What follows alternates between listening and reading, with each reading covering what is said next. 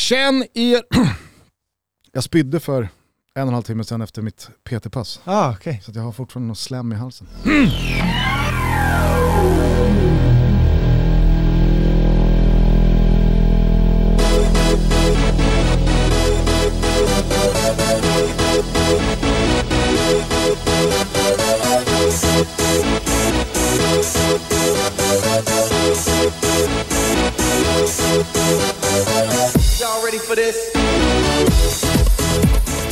Känn er hjärtligt välkomna till Toto Balotto. Det är torsdag den 7 oktober 2021 och vi har äntligen besök i form av en prominent gäst i studion igen. Vi säger varmt välkommen till Kim Källström.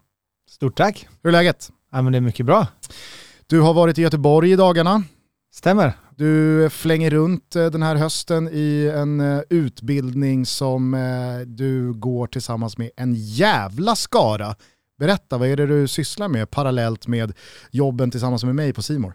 Uh, ja men det är en, ska vi, en eh, managementutbildning, en master i management kan man säga som, um, som, Uefa, som Uefa har tillsammans med ett uh, frans, franskt och ett uh, brittiskt eller engelskt universitet som eh, i princip bygger väl på att eh, de vill, vill ha tillbaka fler, fler före detta spelare in i, in i, i organisationerna men då inte på plan utan i, eh, i, eh, ja, men mer i, i det administrativa och sådär. Så man kan väl säga att det är en utbildning för, för allting inom fotbollen som inte är ute på plan utan allting, allting runt omkring och jag menar det, ju mer man grottar ner sig i den här utbildningen ju mer inser man att det, hur många lager det finns i fotboll och, och jag insåg väl att jag tyckte jag hade bra koll på, på fotboll men det var ju en väldigt smal, eh, smal del. Det var ju bara själva spelandet som jag tyckte jag ändå behärskade hyfsat. Men eh, fotboll är så mycket större och så det är intressant. Så vi är ett gäng, eh, nästan 30 stycken gamla spelare vid tredje vändan som går det. Kan du bara rabbla ett litet axplock av eh, dina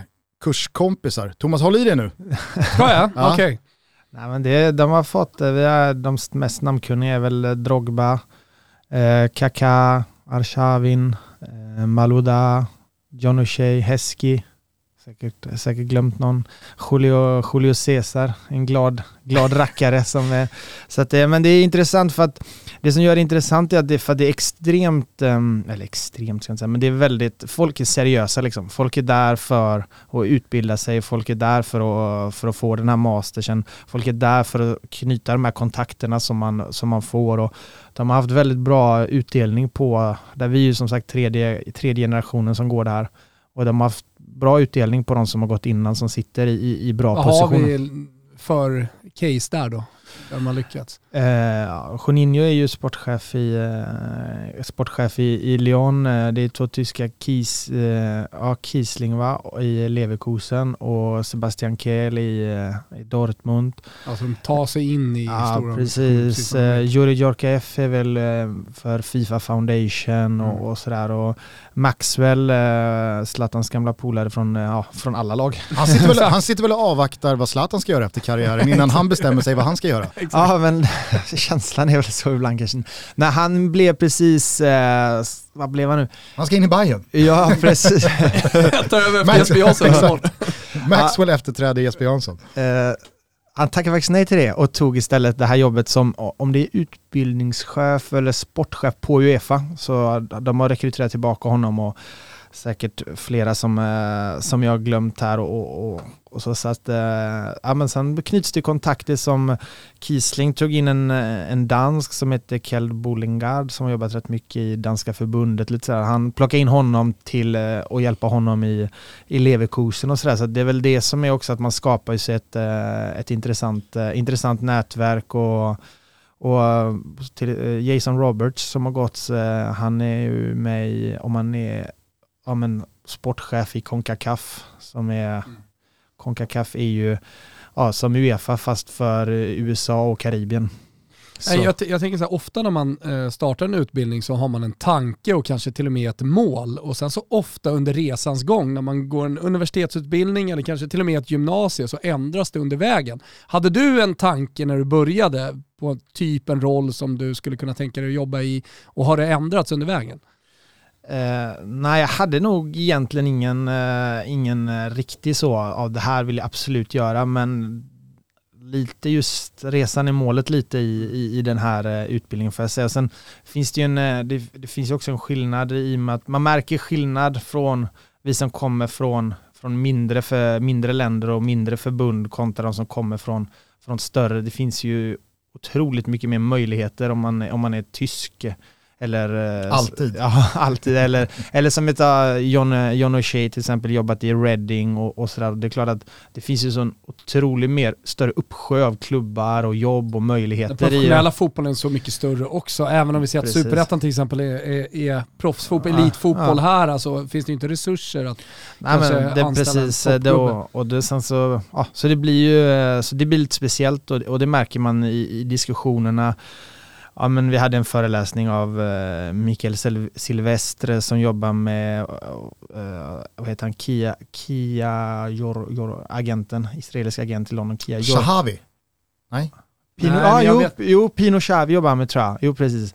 Men de, de, de, de, när han beskriver så, hur de jobbar, hur de tänker sig, jo, men, och sen så kommer man hem till Sverige, det är ju liksom, en transfer är ju hela en klubbs budget här, mm. så det, det, det men det var, de har väldigt, varit väldigt duktiga tycker jag på att, eh, att vi jobbar mot eh, på olika nivåer, att vi har får också diskutera hur det är att vara i mindre länder, mindre klubbar, vad är liksom möjligheterna där, vad är svårigheterna där, vad PSG för möjligheter, vad de för svårigheter, vad Man Alltså att vi, vi försöker jobba över hela spektret för att man ska, ska på något sätt täcka in allt. Så det gör det, det gör det väldigt intressant och i och med att du är Uefa så är det väldigt mycket spännande, spännande föreläsare och sådär. Mm. Du och jag har ju hunnit snacka en hel del eh, vid sidan om jobbet senaste året, men för att inkludera lyssnarna här, är din ambition att efter den här utbildningen kanske återigen studsa utomlands eller är ändå grundplanen och tanken att den här utbildningen ska leda till någonting inom Sverige? Känns Sebastian Larsson där. Inga kommentarer. nej, jag, Men du har ändå stadgat jag, det här efter ja, karriären nej, precis, i Stockholm. Vi, vi, vi bor här hela familjen och min, min fru eh, pluggar ju här och, och, barnen i skolan och sådär. Så att eh, det är klart att eh, har man levt så länge utomlands som vi har gjort så då finns det alltid liksom en, det drar alltid lite i den nerven och, och dra och, och, bo utomlands och uppleva nya saker. Men samtidigt så där jag är just nu i, i livet så, så passar det väldigt bra och väldigt bra att vara, vara kvar här och, och kombination, man, kombinationen med man TV. Man tröttnar på, på Sverige förr eller senare om man har gått utomlands, det lovar jag dig. Alltså, vi har stora planer i familjen också på att, eh, på att äh, nu får det vara nog här. Alltså, det blir, det blir lite Du har snackat länge nu om ja. att dra. Det är ja, fan det, dags det, att ja, pipa iväg snart. Ja, men vi börjar konkretisera det. Stella ska, börjar ledsna på det här träna. tomma jävla snacket. Ja, men om tre veckor ska hon träna med Fiorentina. Du vet, mm. Eh, vi pratade lite inför här om att akademierna i de stora fotbollsländerna som har varit herrfotboll, mm. stor herrfotboll, nu börjar verkligen ta eh, flick och damfotbollen på, på större ans, äh, allvar. Så att det är kontakter med Lisa Ek och agenter ja. Och, ja. och sånt där redan fast de bara är 13 bast. Så att, ja. eh, det, det, det, blir nog en flytt ska du säga Gugge. Ja. Då lägger vi ner det här jävla Toto, Tutti Balutti eller vad, vad det heter. Tutti Sport. Tutti Sport. Som Marcus Rosenberg tror att det heter. Eh, ja, nej men eh, vad härligt då. Eh, hur länge har du kvar på utbildningen? Ja, vi har ju tyvärr haft det, eller som alla såklart. Eh, corona har ju påverkat det här eh, något kopiöst, men så vi har varit, eh, det var ju liksom, vi sågs inte på ett och ett halvt år.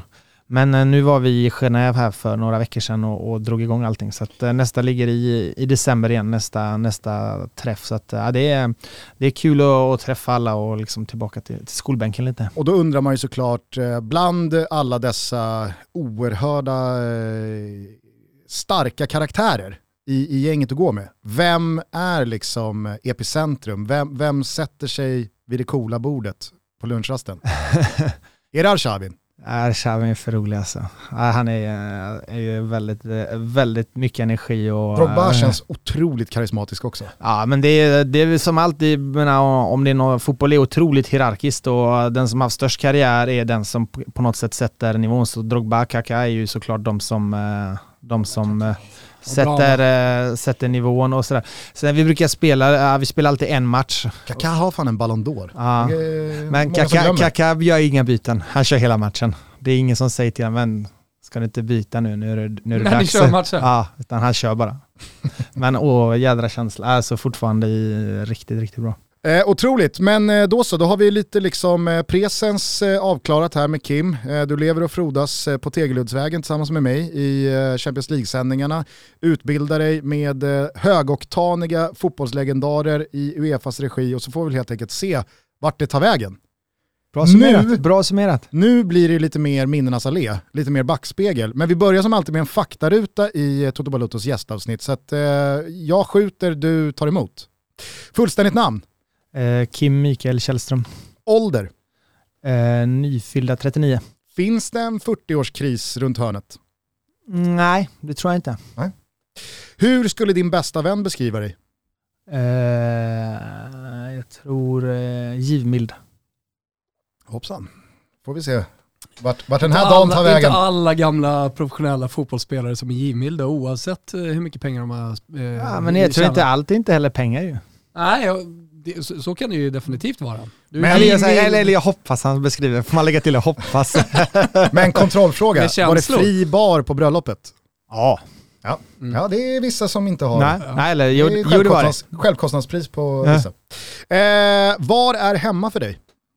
Eh, oh, det är faktiskt en intressant fråga för vi, vi ställde den frågan jag tror jag, ett, en gång i familjen för några år sedan och alla svarade olika vad, vad hemma var. Så eh, vi gjorde också en liten bakvänd resa där vi flyttade till Frankrike tidigt, sen bodde vi i Lyon i sex år och man, det var så här, men det här är perfekt, spela fotboll här, här kan jag leva resten av livet. Och sen började vi flytta när vi blev äldre och barnen började bli lite äldre och normalt sett kanske man försöker göra den andra vägen runt. Så, eh, så det gjorde att vi var ja, men lite, vad ska man säga, jag ska inte säga att vi tappat kompassen men det var lite, lite struligt där så eh, nu skulle jag säga Östermalm, Stockholm är, är hem, där vi bor, där vi bor nu. Trivs ni? Jättebra, Mm. jättebra. rätta mig om jag har fel och det- det här är liksom, jag, jag vill inte trampa på någon tår, men det har alltid varit någonting som känns off med din Göteborgs eh, liksom, eh, connection. Du har inte känt så jävla liksom, Göteborgs varm. Nej, jag, det, jag har aldrig bott i Göteborg. Det, alltså, men men, men så här, om du- man, ja, men jag fattar precis. Det är väl, eh, och jag flyttade tidigt därifrån och jag bodde, jag kom ju, jag är inte född där, jag flyttade dit när jag var, var sju år och därifrån när jag var 19 och bodde liksom aldrig inne i, inne i, eh, i Göteborg utan var så här, bodde i Partille, en förort till Göteborg och sen tog bussen till Hisingen och spelade och sen, sen drog jag till Stockholm så att, eh, ja men det kan jag förstå att man har, eh, att man har eh, Du är ganska långt ifrån liksom Glenn Hussein eh, Ja men posterboy-auran för In- Göteborg. Inte så knäckedickig. Håller du med mig Thomas? Ja, nej absolut. Men sen beskriver du ju bra. Har, har du bott där i 12 år, Mm. eller vad det nu blev, Mm. eh, matten sådär va. Så jag, jag, jag kan känna igen mig i det. Eh, när, man flyttade ut, när jag flyttade utomlands eh, första gången och f- man sa att man var från Stockholm. Jag är från Rönninge. Ja. Alltså jag var 13 bast när jag åkte in till Vattenfestivalen Ja, första gången ja. själv och gick runt lite, gick vilse på Mm. Drottninggatan så här. Så att, eh, det, det är mer en uppväxt om man bor i en förort lite längre ifrån, som att komma från Sandviken eller Edsbyn eller eh, vad vet jag, Vetlanda. På Än tal om att vara från stan om man inte är Mm. uppvuxen i stan så att säga. är Sandviken på något sätt någon slags hemmaplan eller? Ja men det är det. Det var ju eh, mina, min mormor eh, finns fortfarande kvar i livet och, eh, så, och hon bor där. Så vi åker upp en hel del och sen vi flyttade till Stockholm så åker vi upp eh, ganska ofta och, och hälsar på henne så att eh, ja, det, är, det är kul och vi spenderade Ja men även när vi bodde i Göteborg i princip alla, all, alla jular och sådär där. Så att eh, nej men det känner jag är, det känns, eh, ja men det känns tryggt när man, man kommer dit men Gusten, eh, har vi koll på förresten fotbollsprojektet eh, Sandviken som är på väg framåt, stormar ju framåt eh, väl i tabellerna. Gör de verkligen det? Men vi pratade ju om att vi skulle ha koll på tränaren. Ja just det, de Ja. hade ju en eh, ung eh, förmåga. Tog han över Monne efter Pelle Olsson? Eh, det det kan ha varit så. Vi, vi pratade varmt och passionerat Ja. om det och vi lovade att vi skulle följa Sandvikens resa. Blir sällan så. Jag, jag tror att det går asbra. Ja, Jag tror att kul. vi var rätt på det. Eh, tyckte du att det var rätt eller fel av Helsingborg att kicka Sören Kratz efter dennes förvisso alldeles för långa, men också fullt begripliga ärevarv på Söderstadion 2002? eh, Det är ju intressant också att ställa Ja. frågan till en ja, blivande sportchef, även om det inte är den Ja. rollen du ska ha. Det kanske är någonting du ska ta upp på träffen med Drogba och gänget. ja. Också någon som verkligen eh, var i elden då Oh ja. i Stockholmsfotbollen i Allsvenskan. Eh, nej, det, det tycker jag inte. Jag tycker man måste... Du tycker det var fel av Helsingborg att Ja, men jag tycker inte man behöver, behöver sparka honom. Sen så måste man ju säga att eh, det, det, så här, det är ju inte bra gjort. Det sänder ju eh, otroligt dåliga signaler. Men att sparka någon, jag, jag, tror man måste, jag, tror, jag tror att man måste lära sig också att kunna ha fler bollar i luften. Man måste kunna lära sig att skilja på, skilja på saker och, och att tränare är ju också för mig, de är ju yrkesmän.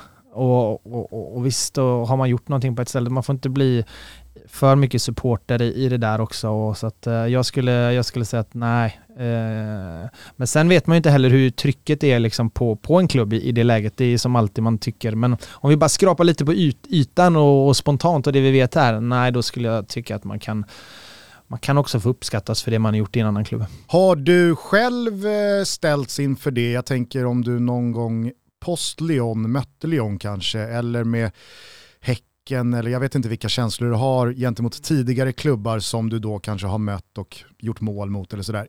Men kanske framförallt, har du spelat med någon som har hamnat i en sån där situation där det blir liksom väldigt skevt efteråt, att man sitter i omklädningsrummet och bara så här, hallå vad, vad, vad fan gör du? Du spelar med oss nu. Roberto Baggio som vägrade straffen mot Juventus, Mm. där är det klassiska Mm. exemplet eh, om vi går tillbaka i fotbollshistorien. Mm. Och sen eh, tog, fick en Fiorentina-halsduk kastad till sig och han la, la den runt eh, axeln. Jag hade en rolig, när jag spelade i, i Ryssland så var det, spelade vi, jag tror, åh vad heter han nu då, nu kommer jag inte ihåg, gammal storspelare. Åh, Rysk. Rysk. Eh, Gugge Leta. Alej, Alejnichev, Alejnichev heter han va? Och han var tränare för, eh, för UFA, eller UFA. Och så hade vi... åh, vad tappade jag- Stark anekdot hittills. Ja, nej men precis, jag ska bara komma på, eh, komma på namnen här. eh. Är det de ryska Nej, han, som sig är, han är förbundskapten i Schweiz nu, gammal storspelare. Murat, Murat Yakin. Okej. Så Alejnicev är tränare där och liksom Spartak-legend liksom. Och uh, Murat Yakin är extremt ifrågasatt Spartak-tränare och så spelar vi där och går sådär. Och då hoppar de supportrarna in där och springer och liksom hänger en, sån en halsduk kring Alejnicev när liksom, de står där båda två ute vid eh, i det här tekniska området och då bara kände man så här "Pff, det- dina dagar är räknade Murat. Gissa vem som blev tränare efter? Eh, ja, jag kommer lägga min eh, gissning på honom. Ja, Mm. Alejnicev. Eh, vad Sva, lägger svag anekdoten då. Ah, fan. orkade väl upp till två plus Ja. till slut. Och ändå i ämnet. Ja, och det är Erik Nivas hela liv två plus, så på något sätt så är man väl... Eh, Vad lägger den givmilde Kim Källström pengar på? eh, resor. Eh, Vart då? ja, det är lite olika. Det beror lite på. Varmt eller? Ja, varmt eller eh, vi är mycket inne på amerikansk fotboll nu. Så jag lägger mycket tid att försöka resa dit. Men vi skulle... Men, åker du hela familjen då? Ja, vi har lite olika Ja, konstellationer. ja.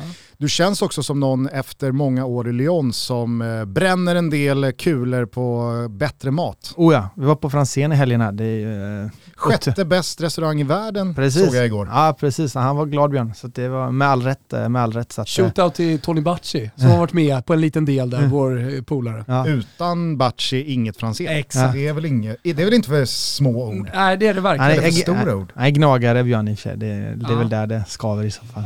Va, vad var det Aschberg sa? Är hantverkare, kockar i, i hans gräv på firmorna. Just. Var Franzén va? Vilka språk behärskar du?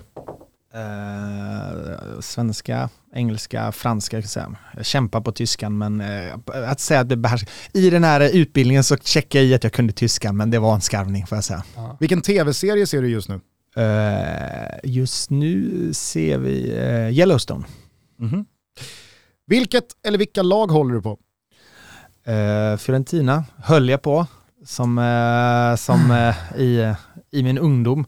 Det är, så här, det är roligt man tänker tillbaka och alla pratar så här om Tipsextra och Premier League och sådär. Jag är uppväxt i liksom Uno Kryss Duo-eran och Thomas Nordahls matresa och titta på italienska matcher klockan tre när det var skugga på halva plan hela tiden. Man såg inte bort Men vi var i rätt ålder då också. Jag är Ja, precis. 79, men Ja. vi var i rätt Mm. ålder för, för att kunna, vi var mottagliga Ja. för, eh, för Thomas Nordahls Ja. resor.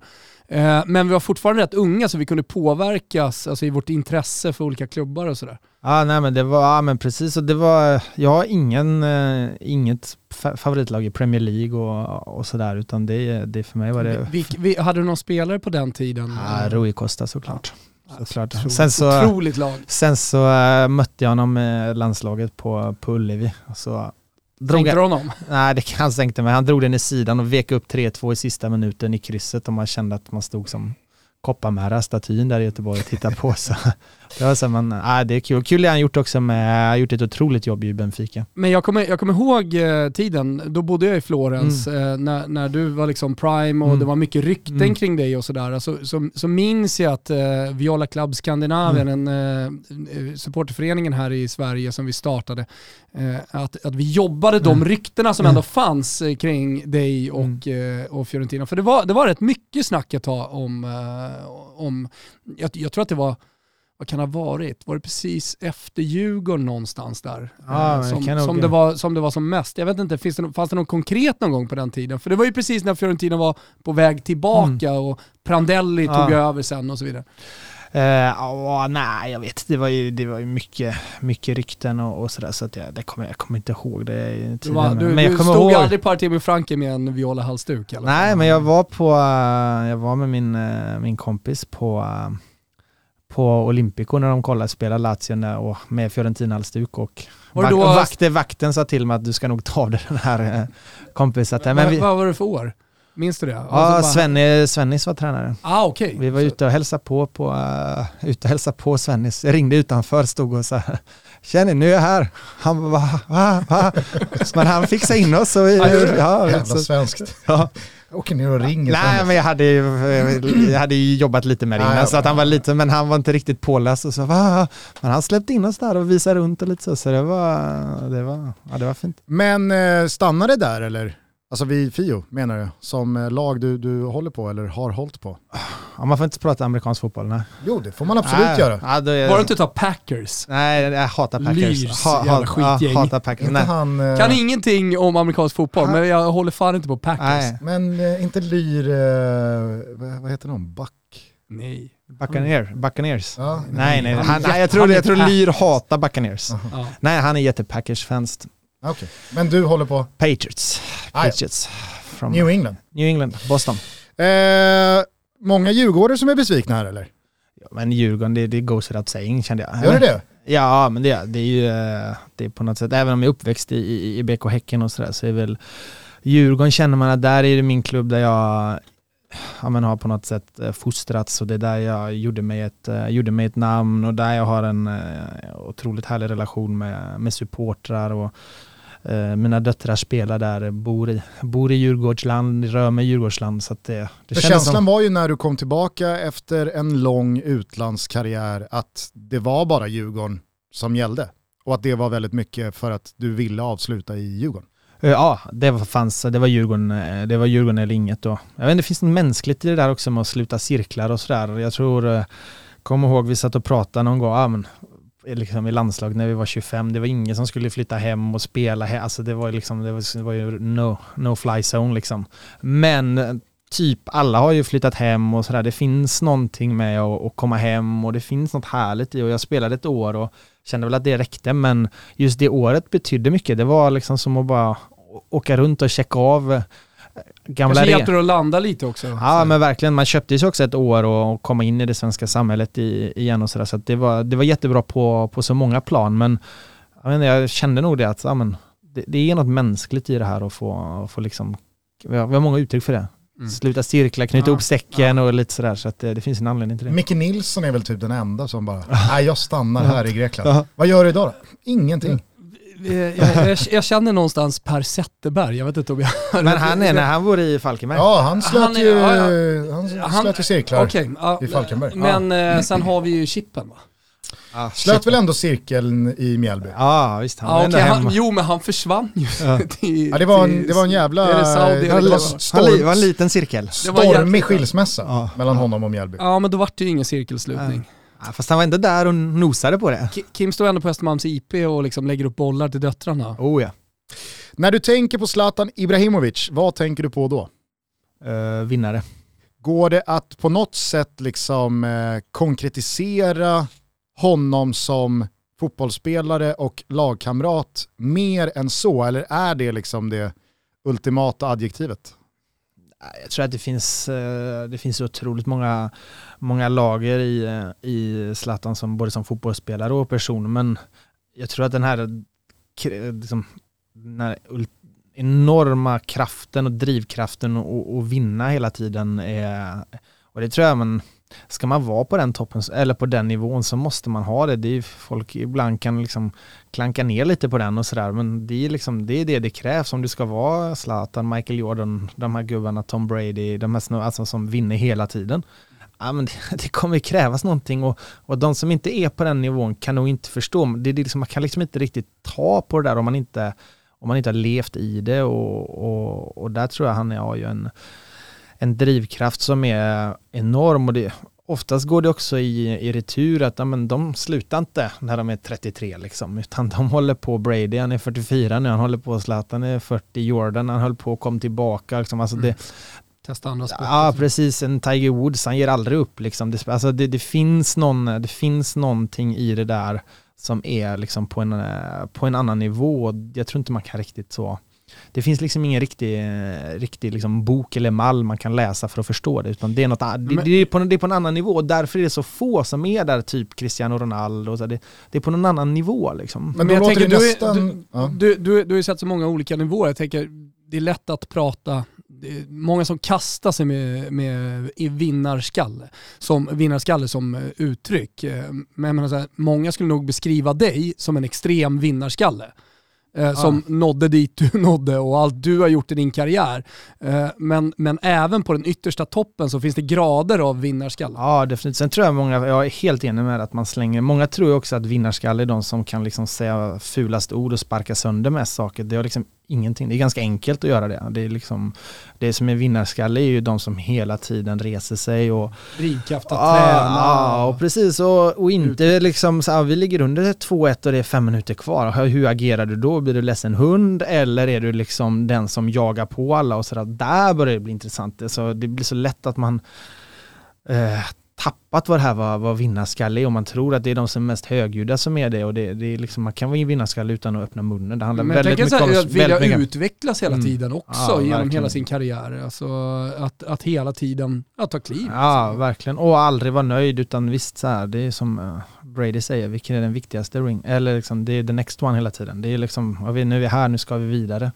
Så det är ju, eh, det, det, det, så jag tror att han är ju i, i liksom det där segmentet men helt enig med att det, det, är klart att det finns olika olika liksom grader i, i det där i, i toppidrotten och man kan vara du kan vara en toppatlet utan att vara liksom det där sista också. Det, det, det, du kommer klara det ändå men det finns ju och Speciellt till de som når så långt som Zlatan och Brady och gänget. Precis.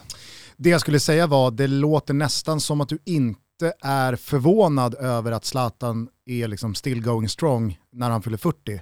Utan att det, det kunde man ha på känn eh, redan för 5, 6, 7 år sedan att han är nog inte på väg att sluta.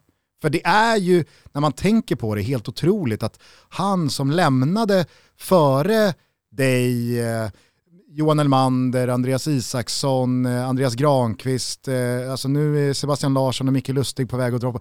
Alla ni är ju yngre än Zlatan, men har antingen lagt av eller är liksom i slutet av karriären, tackat för sig i landslaget och så vidare.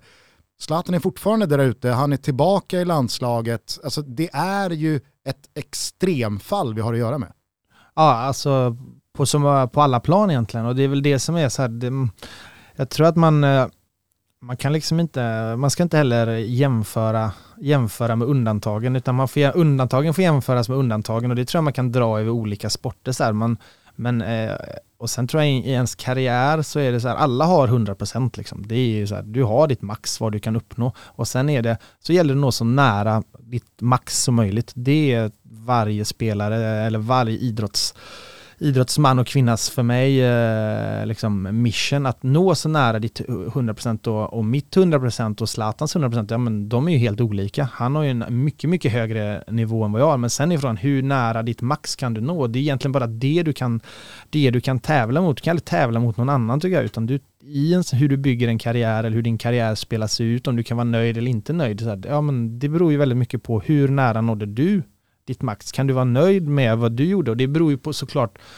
Alltså det är ju oändligt mycket faktorer som spelar in och, och sådär men du ska ha tränare som tror på dig och du ska ha skador och det ska funka och det är så här. Så det är, men det är väl det som är på, för mig det är liksom det är ultimat så här. Hur nära ditt max var du? Ja men ni har väl hört det nu, ni har väl sett det nu. Det är badrumsveckor hos våra stolta sponsorer K-Rauta. Och nu jäklar hörni börjar förvandlingen bli klar här på eh, Kungstensgatan 26. Vårat badrum har gått från eh, mm, ganska risigt kan jag säga med eh, linoleummattor och så vidare till ett riktigt snyggt jäkla badrum. Vi gick in till K-Rauta, vi sa till deras projektplanerare att eh, vi vill ha ett toppbadrum. Här är en bild, vad kan ni göra? Och nu har de löst det.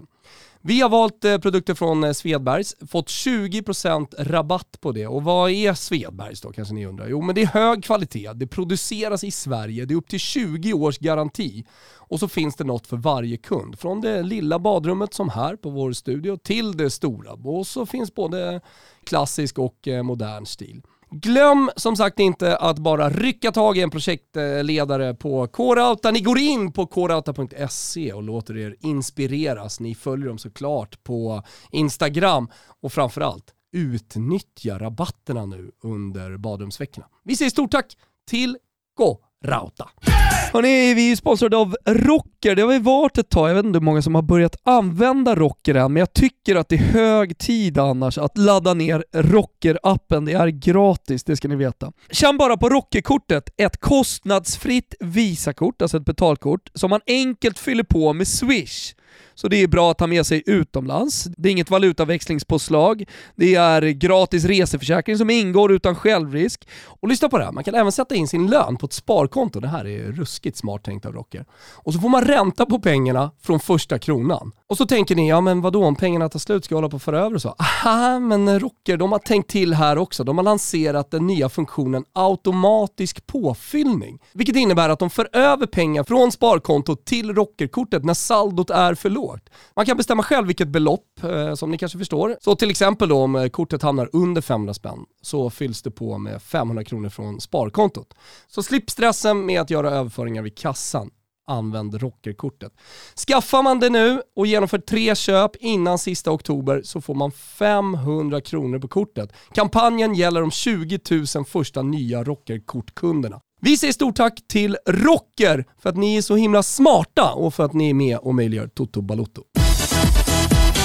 På tal om det, jag tänker att jag, jag, jag tar den frågan redan nu. Eh, som landslag, så alltså du och Zlatan och en hel del andra hade ju många långa fina år tillsammans. Men den där riktiga liksom, eh, jackpot-turneringen kom ju aldrig.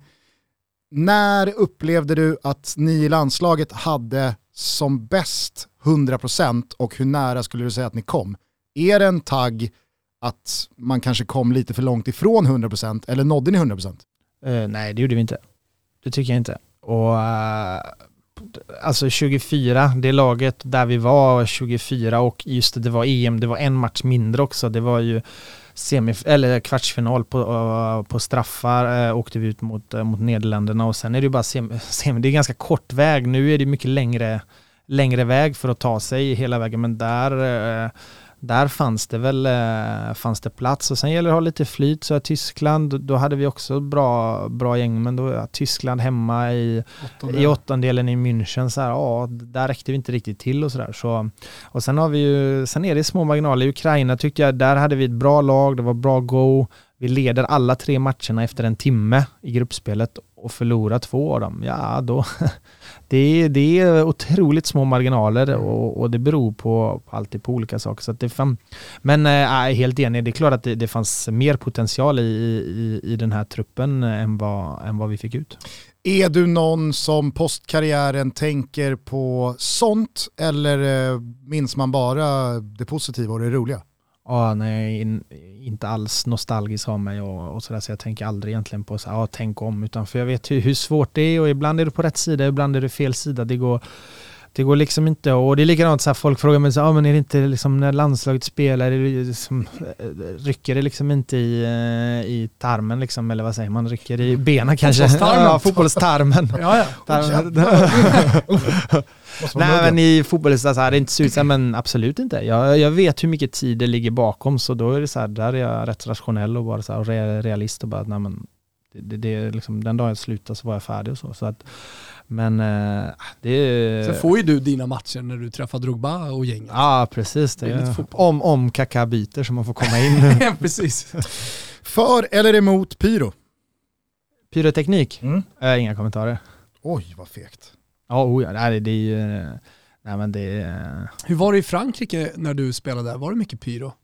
Nej, ibland sådär. Det Eller så här, jag är, egentligen känslan är ju att eh, det, det skänker ju en stämning såklart och, och så det, men det får liksom inte påverka spelet för mycket. Jag är ju ändå eh, spel, som spelare när man står där ute och, och måste vänta och man har liksom taggat igång för ett derby och så bara tio minuter, liksom, det, är, det är inte roligt som spelare. Men, men eh, Marseille borta, pyro och ni får inte vänta utan ni får spela.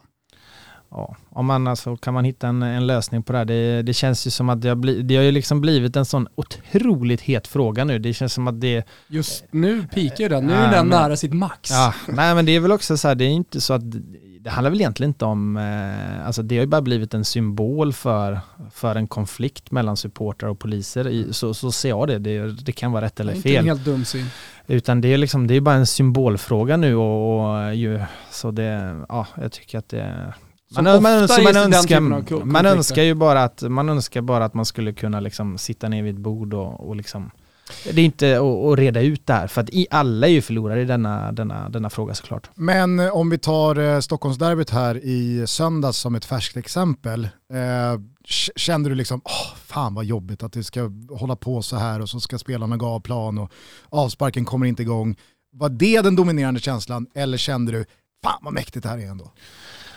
Som spelare, jag, jag är ju fortfarande med spelare. Jag tycker att det, är- jag tycker att det är segt när man eh, behöver liksom stoppa upp matchen eh, hela tiden. Men sen förstår jag, det, det, är ju så här, det är det som är så kluvet och vi pratade om att hålla två bollar i luften tidigare. Det, det är lite så här, man, man kan inte svara. Alexander Milosevic var ju ute efter matchen och sa det. Alltså Ah. jag älskar bengaler, jag Ah. älskar våra supportrar, men de måste ibland förstå att i det här läget, vi behöver inget avbrott här. Nej, precis och det är väl det man måste, det, det, det finns liksom man vill ju så gärna ofta hitta liksom svar som är svarta eller vita, men det här är ju en sån fråga som inte är svart eller vit. Det är, liksom, det är mycket känslor som är, som är kopplade till det här och, och det är såklart som spelare, som supporter attackerar man det här från helt, två helt olika, olika vinklar och man blir påverkad på olika saker och, och sådär. Så att, eh, ja, det är ju en, det är en svår fråga. Det man önskar är ju bara att de, de som faktiskt kan ta beslut om det här och de som jobbar med det kan på något sätt komma närmare varandra. Så här, kan vi inte hitta en lösning som passar, eh, passar alla? För onekligen så är det ju en, eh, någonting som är, som är viktigt. Och jag är heller inte uppväxt i supportervärlden. Jag är uppväxt i spelarvärlden. Så jag har inte heller, jag har inte alla bottnar vad det här betyder. Jag kan inte, när någon säger det, det är viktigt. Ja, för mig är det inte så viktigt. Men jag kan förstå att det är viktigt för en supporter och det tror jag är väldigt, tror jag är väldigt viktigt att ha den tanken i huvudet även som, alltså, alla spelare kommer ju kommer ju med sina, sina spelarerfarenheter och tänker nej det är inte så kul när det blir stopp här. Man måste också förstå att supporterna kommer ju från sin, sin Mm. värld och där betyder bengalen eller pyro betyder mycket och det tror jag att man, man måste alltid ha förståelse för, för den andra världen.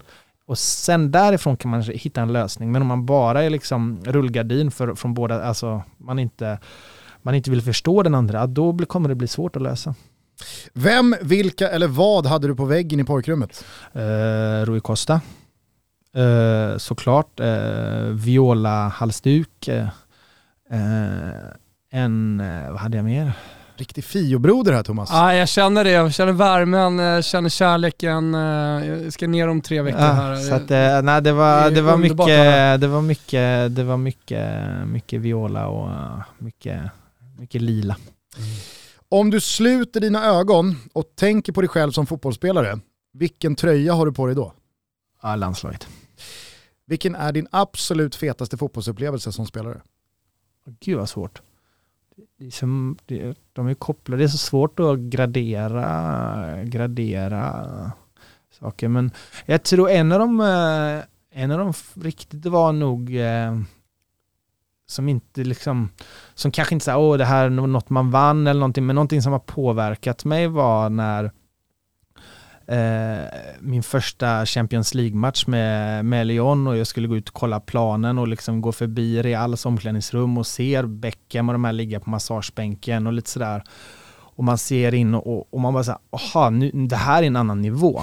Det är inte Rambergsvallen Nej men precis, man kände såhär, okej okay, jag, jag har nått en annan nivå, här vill jag vara kvar. Det är liksom, du måste träna ännu mer, du måste hålla dig kvar här, du får liksom inte slarva bort det. Men just eh, när man kom, eh, jag var ganska, vad kan jag ha varit 24 år och sådär och det var jag hade ändå spelat, eh, spelat, eh, spelat VM och sådär, men just Champions League var något annat och när man kom där och bara såg alla de här och man insåg så här, men arenan såg helt annorlunda ut. Den var liksom klädd på ett annat sätt. Det var, eh, vi hade andra kläder när vi åkte dit. Vi hade andra matchställ. Det var en annan boll. Det var, det, det var någonting och det har påverkat mig ganska mycket.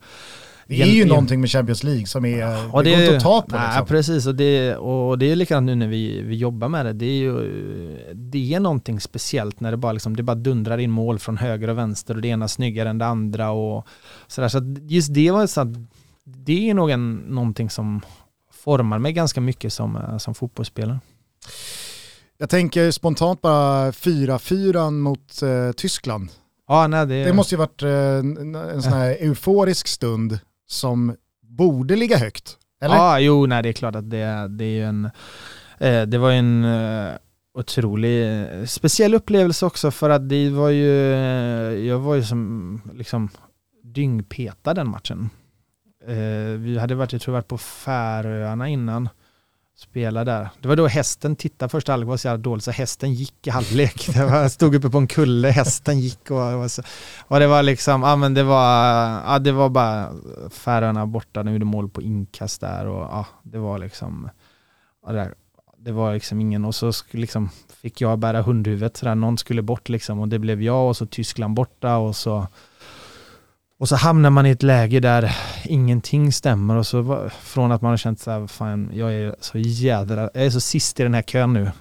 Och sen helt plötsligt så bara in i halvlek och så, och så vänder det. Det som är intressant är att jag kommer in, det står 3-0 till dem.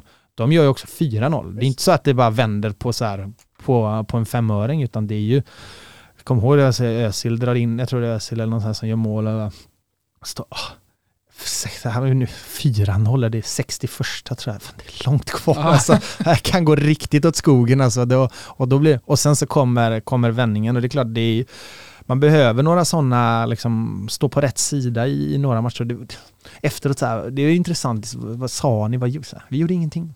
Det var bara, det bara hände. Jag gjorde en tackling, det borde varit frispark, domaren blåser inte för att står 4-0 till dem. Inlägg 4-1. Så här, Lustig blir kvar, passera 4-2 så helt plötsligt började det liksom darra lite. Och, men vi gjorde egentligen ingenting för att, för att vända det och det tror jag är... Sen är det väl superfrispark Tyskland eh, i duellen mellan Zlatan och Mertesacker ja, innan bollen landar hos Rasmus Elm. Ja, det är klart att det är. Men det är, så här, det är, två, det är två gånger som det är liksom superfrisparkar för dem inför där. Men det är så här, ja, det är ju det är bara så det är och det är väl det som är, det är kul när man är på rätt sida ibland.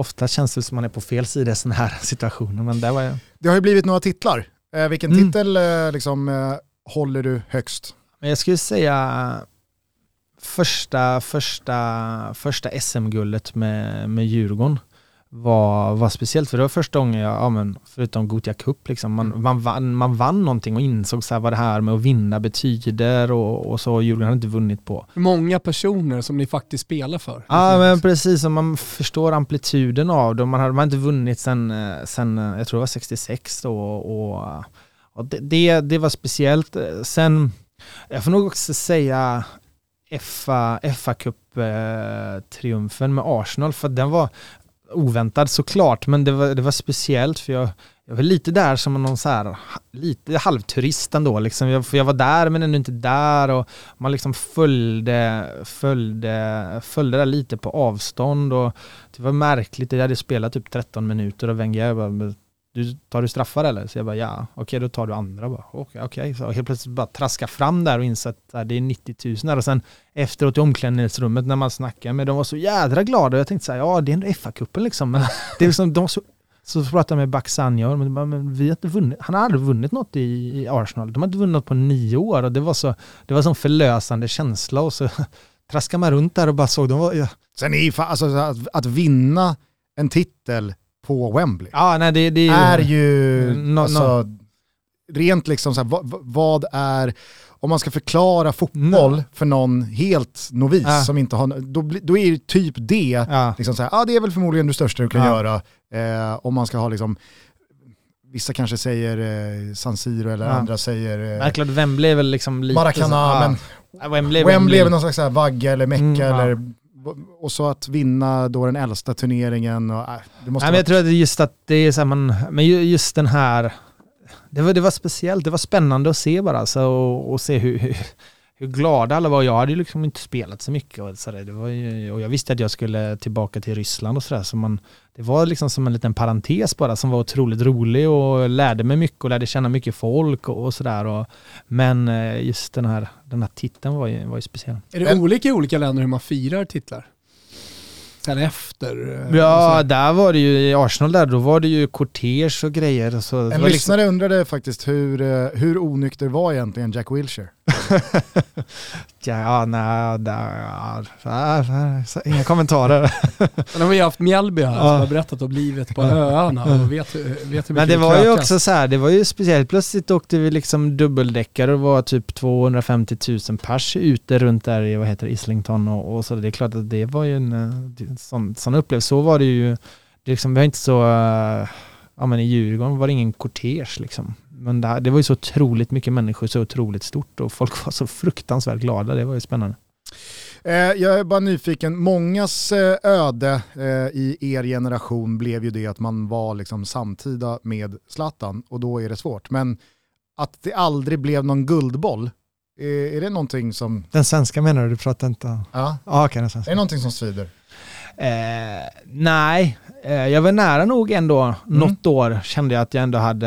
Ja, verkligen. Årets mittfältare 0911 Ja, något sånt tror jag. Men det var, det var något år som jag ändå hade lite, lite hugg kanske och, och var, var, var, nära till och med utmana, utmana Zlatan. Men alltså jag, kom, eh, jag insåg tidigt hans, eh, alltså vi började spela ihop när vi var i var typ P15, P16-landslaget och sådär, så vi har ju följt varandra genom hela, hela karriären. Jag insåg tidigt Eh, att, eh, att han, det här var något annat liksom. Så, och accepterade det. Och så därför så, det är klart, det hade väl varit roligt såklart att få en guldboll men samtidigt så har jag gjort hela min karriär och upplevt eh, eh Zlatan som spelare och person eh, under de här liksom, 15-20 åren vi pratar om så det är också en upplevelse. Så att, eh, För jag tycker ändå man har märkt här på senare år eh, när hans eh, streak till slut ja. bröts, nu har han ju tagit tillbaka den, men eh, hur viktigt det var Alltså Emil ah, Forsberg var ah. ändå ganska öppen med sin besvikelse ah. och Andreas Granqvists utmärkelse blev ändå ah. jävligt omdiskuterad och är verkligen det här Sveriges bästa fotbollsspelare och nu har Vigge två stycken mm. och hur många har egentligen två guldbollar? Alltså, det finns mm. ju en laddning i guldbollen som glömdes bort över tio år för att det var så självklart att, att Zlatan tog den. Ja, verkligen. Det måste ju varit emellanåt också världens kortaste juryöverläggning liksom. Och, och det är klart att det, som pris så tappade den ju såklart i värde. Den var så här, ah, liksom, vilken var det nu? Var det sjuan eller åttan ska ha nu? Alltså, det, det är klart att det är så. Så det är helt enig om att det, det är klart att den är, den är mycket mer laddad nu och mycket mer nu skulle jag säga prestigefull, det är den ju inte, men den är nog lika prestigefull hela tiden, bara att den är mer intressant nu. Och det är klart att det, när, när det blir en reell tävling om den så, så blir det ju intressantare. På, på vår tid så, så var det ju kanske, man har, han hade 11 i rad eller sån här. Det kanske var tävling mellan någon gång med mig, kanske någon gång mellan sig, två, tre gånger kanske, där man så här, man skulle kunna argumentera för att man skulle byta. Men, Men det låg inget tacktal i innerfickan på kavajen. nej, det kan jag säga att det var. Och, nej, och det, och det tror jag... Jo, men går man inte upp som årets mittfältare och tackar? Jo men Jo. till Guldbollen. Jo, Jo, jo, men- men, det... Nej. Nej, kan man ju att det- brodera ut om det Ja. råkar bli guldboll. Så att, eh, nej men återigen, jag accepterade det ganska, ganska tidigt och sådär. Men det är klart att eh, det, det är ju en, ett pris som är prestigefyllt och jag förstår att de som får det nu är, är glada och stolta liksom. Du kan få en utmärkelse av mig. Ah. Jag har ingen eh, upptryckt eh, pokal eller sådär. Men jag har inget tacktal förberett heller. Så. Nej men då så. Ja. Eh, nu får alla Malmö FF-supportrar som ropar Marcus Rosenberg och alla gulliganer som eh, ropar Anders Svensson och övriga eh, Sätta sig ner, eller? tölpar som eh, kommer med andra bihang sätta sig. Jag tycker att du är den absolut bästa fotbollsspelaren som någonsin spelat i Allsvenskan. Ja, tackar. Och det är... Tackar. Det kanske är futtigt i, nu i, kommer i sammanhanget. 60-talisterna som var med på 80-talet. Ja, Jag har du får, aldrig sett en bättre fotbollsspelare i Allsvenskan än Kim Källström 2002-2003. Det var something else alltså. Ja, tackar, tackar. Ja, det blir, det blir lite rosa om kinderna här. Ja, men det är ju... Eh, det går väl att argumentera för, eh, för det och det går att argumentera för andra spelare också, men jag hade, jag hade två otroligt bra, bra år och är väldigt glad att jag tog steget från som var lite oortodoxt ändå, oortodoxt att gå från, eh, från Häcken till, eh, till Djurgården och Djurgården betalade liksom mycket pengar för, för den, och det fanns ju liksom inte att, alltså jag hade inte ens tänkt att det var möjligt och hur väl det, mm, hur väl det har spelats ut och hur mycket det har påverkat resten av mitt liv i, i positiv anda. Så att eh, och det var, jag hade ju otroligt roligt när vi spelade där. Det var ju liksom, det var ju partystämning varje träning liksom. Men tror du att du hade landat på Östermalm nu när du vände hem från eh, din eh, proffskarriär om du inte hade spelat i Djurgården? Nej, nej, inte en Nej. chans. Inte en chans. Jag menar, så här, då har det ju påverkat jättemycket. Dina Ja, barn nej, går nej. i skola Ja, där. Så eh, nej, det nej, alltså- påverkar deras liv och... Men jag har också påverkat mig från liksom till om, uh, från beslutet uh, det togs till idag, men också allt däremellan för att just uh, uh, ha Även om jag är uppväxt i BK Häcken så, uh, och, och det de håller på med nu, jag var nere och pratade med Martin Eriksson där, det är en otroligt spännande klubb. Men Det måste ju vara en helt annan klubb än Alltså, den du lämnade för... ja, ja, vi sa drygt 20 precis det när jag var där i, i, i tisdags. Då var det så här, styrbord och babord hette, läktarna. Det heter de inte riktigt längre. Så det var ju... Jag har aldrig hört Ja. Men det, så det är ju det, det är klart, och den resan de är ute på är ju otroligt spännande och de, eh, de jobbar på ett väldigt spännande sätt tycker jag. Eh, Djurgården är ju, är ju något annat men där på något sätt eh, har ju blivit verkligen eh, min klubb och, och även om de åren man var ute att det kändes att ja, men det, det, det finns ett hem i Sverige tror jag. Och ska vi bara prata om eh, till exempel Micke Lustig och, och, och Seb Larsson till exempel, som aldrig hade spelat i Allsvenskan innan och, och få komma hem och bli förknippad med en klubb, det är någonting, det är någonting väldigt Det märker man tycker jag på Ah. Micke som vi ändå känner bra. Så här, Ja, att, eh, det är något Är det väldigt... bara jag som undrar om inte Lustig ändå gjorde någon säsong med Giffarna i Allsvenskan? Gjorde han det? Nej, kanske. Det är ingen som vet. Ja, kanske. Jag ingen som kan jag kolla har det. för mig att han gick från ettan till Rosenborg. Ja det kanske var superettan, jag Så vet ja, inte. ja, men Alltså, Det ska vara osagt kanske. Han kan ha spelat i Allsvenskan men så här, ingen förknippar honom i alla fall. Skit i Giffarna. Ja, nej, men han förknippar mig i så fall, tänker jag, mer med Rosenborg än med, eh, än med, med GIF Sundsvall. Och, och, och kan, just den här känslan att vara så starkt förknippad med en klubb, Anders i Elfsborg, eh, eh, Mackan Albeck med ÖIS och alla blå, liksom hela Värnblom och det gäng Rosenberg. Rosenberg. Såklart i Malmö och Daniel Andersson. Just det, och, Kennedy. Ja, precis. Att vara så förknippad är väldigt... Eh, det finns något väldigt, väldigt härligt och fint med det och, och jag, jag uppskattar det. Och jag tror att eh, de som har den relationen till en klubb uppskattar det väldigt mycket. Jag tänker också, alltså under din proffskarriär och din landslagskarriär så hade du hela tiden eh, i ryggen någonstans eh, en stor supporterskara. Eh, med all respekt för Häcken eh, så har ju Malmö FF-supporterna alltid stått på Zlatans sida Mm. genom hans karriär, Mm. ja, fram till statyn. Eh, och andra spelare på samma Mm. sätt. Eh, och när det har funnits ja, men, eh, diskussioner i landslag Mm. eller för Zlatans Mm. del andra typer av Mm. diskussioner under hans karriär så har han i alla fall alltid haft Malmö-supporterna Mm. på sin sida. Och som jag i alla fall upplever när jag tittar ba- tillbaka på de här åren när du var ute så har det alltid, om man tar Anders Svensson Mm. eller Kim Källström, så, har det, så har det alltid funnits en stor supporterbas här med i Sverige som, som har varit eh, team Kim Källström. Ja, verkligen. Och det, det, det mm, vad ska man säga, det, den uppskattningen och, och den Känner man den supporten. liksom? Ja, oh ja, Mm. verkligen. Och det, det är väl det som, det är väl därför också, jag ska inte säga att det är därför man orkar hålla på, men om man, om man känner in, inte känner uppbackningen är det, är det tufft. Det är, supportrarna har ju otroligt viktig, viktig roll i det där för att, för att orka kämpa på liksom. Men det är många som har eh, undrat om det. Vi skickade ut en Mm. tweet igår och, och frågade ifall det var någon som hade någon tanke eller fråga riktad till det här. Och då var det just många Djurgårdssupportrar som undrade hur du resonerade där när du väl la av. För det var säkert många av oss som upplevde det som, ja, men lite från en dag till en annan så kom ett ganska så här oväntat, det kändes som att ni hade landat en tredjeplats där Mm. på Guldfågeln och Djurgården ska ut i Europa igen och att Isaksson och du var tillbaka ihop igen och att nu, nu, nu kör man ett år till. Men så blev det inte så. Det var slut eller stod du och vägde mellan hur du skulle göra och fanns det någon sån här, när Djurgården sen gick och vann SM-guldet 2019, fanns det någon så här, där hade jag kunnat varit med eller var det färdigt? Nej, jag var, där var jag faktiskt eh, tvungen att, att ta ett, ja, men ett personligt egoistiskt beslut utifrån, utifrån eh, min karriär. Jag, alltså fysiskt eh, hade det nog gått, men mentalt var, var tanken tom lite. Jag, kände att jag hade nått eh, vägs ände och framförallt så kände jag att jag började, började eller jag, jag var rädd att jag skulle börja dippa lite och börja tappa min, min nivå. Och det var min största, största skräck, att jag skulle känna att så här, alltså, jag, jag borde vara bättre. Mm. Och då var jag lite, det var lite, jag kände att ja, men jag var på väg ner lite och då tyckte jag det var bättre att, att, att ta ett beslut där att ja, men jag, är, jag är färdig här liksom för, eh, för, för alla skull. Att man inte heller ska bli liksom lite sådär, eh, hur ska man säga, ja, men man blir liksom lite så här, lite gnällig, lite sådär, inte riktigt känna att man håller, inte riktigt ha den där nivån som man vill ha och då tyckte jag det var bättre att och avsluta på ett, eh, på ett bra sätt. Eh, jag lämnade ett, eh, ändå ett Djurgården som hade kommit tillbaka lite och vi som du sa tog en Europaplats och, och hade varit med och liksom starta, startat någonting igen. Så men jag kan mycket väl förstå det att man hade liksom en förhoppning att jag skulle spela lite till men...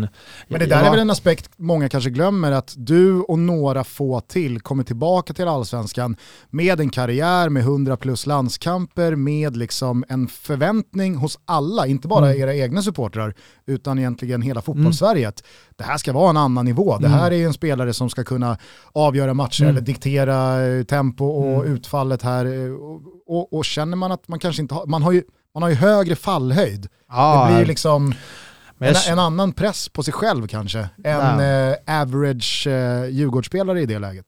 Ja men så är det alltså, och med all rätt också. Kraven ska ju vara mycket, mycket högre och det blir så, jag kom hem ganska snabbt, man slängdes rakt in och det var några matcher, så kom allsvenskan och så körde man och sen så kom eh, Eh, sen så kom slutet och så vet man så, ah, men sen måste man starta om motorerna igen och, och du ska driva och göra liksom en, en resa till. Nostalgin är lite borta. Liksom, alltså det, man behöver också lite, det behövs kastas lite ved, ved, ved vad säger man, ved på brasan ibland för att få liksom energin och sådär. Och, och jag tyckte att eh,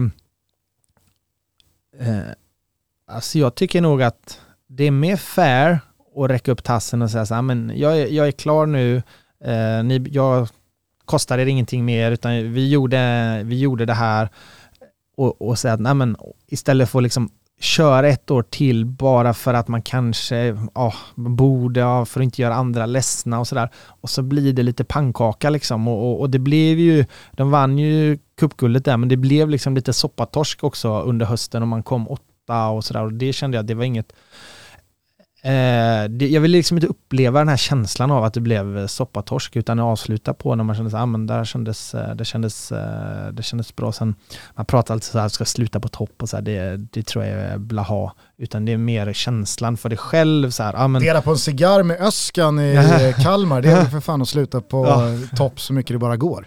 ja, det är sant. Det, det Det är det, det gyllene berget. För eller emot VAR? Eh, för. Vem från fotbollsvärlden hade du helst velat dela en flaska vin med? Mm, oh, jag skulle säga Pirla, han kan mycket om vin, men, oh, det, ja, men jag skulle nog säga eh, Rui Costa. Favoritarena? Kände du att jag ville stanna på vinet där? Du ville slå hål på myten om att Pirlo kan mycket Ja. om vin. Ja. Det är min, det är Alltså, min tanke. Eller, eller så här, jag tror han är väldigt patriotisk Ja. när det gäller vin. Alltså, Ja. Ställ en fråga, du kommer kommer Ja. ändå från, har ändå Ja. befunnit dig i, i eh, gastronomins Ja. mecka, eh, kanske inte bara i Europa utan, eller i Frankrike utan i hela världen Ja. med Lyon. Eh, där, och där, är många, många, Bocuse, feta eh, vin, många feta viner som eh, kommer från eh, området. Så att. Oh ja, oh ja, ja.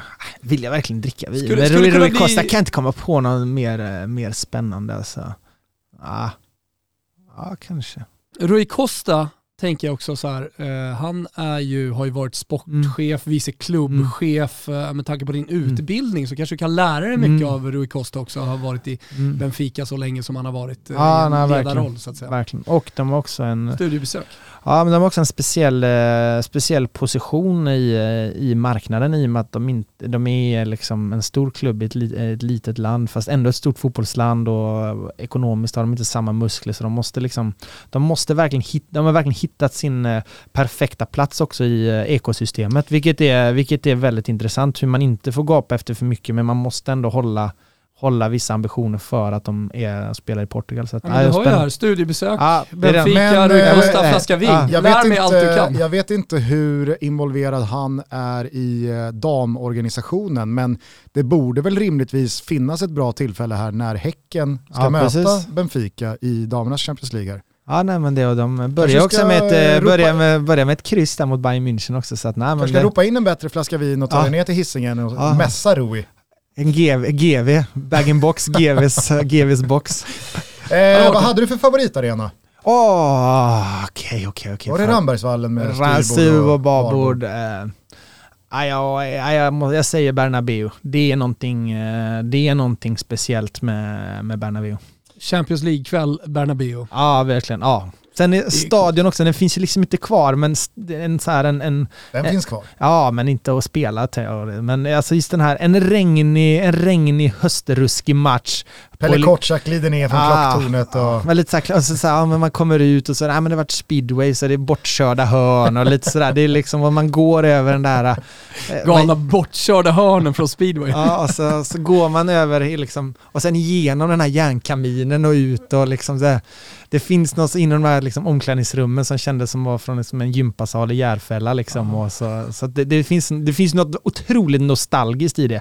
Men Champions League på Bernabéu, wow.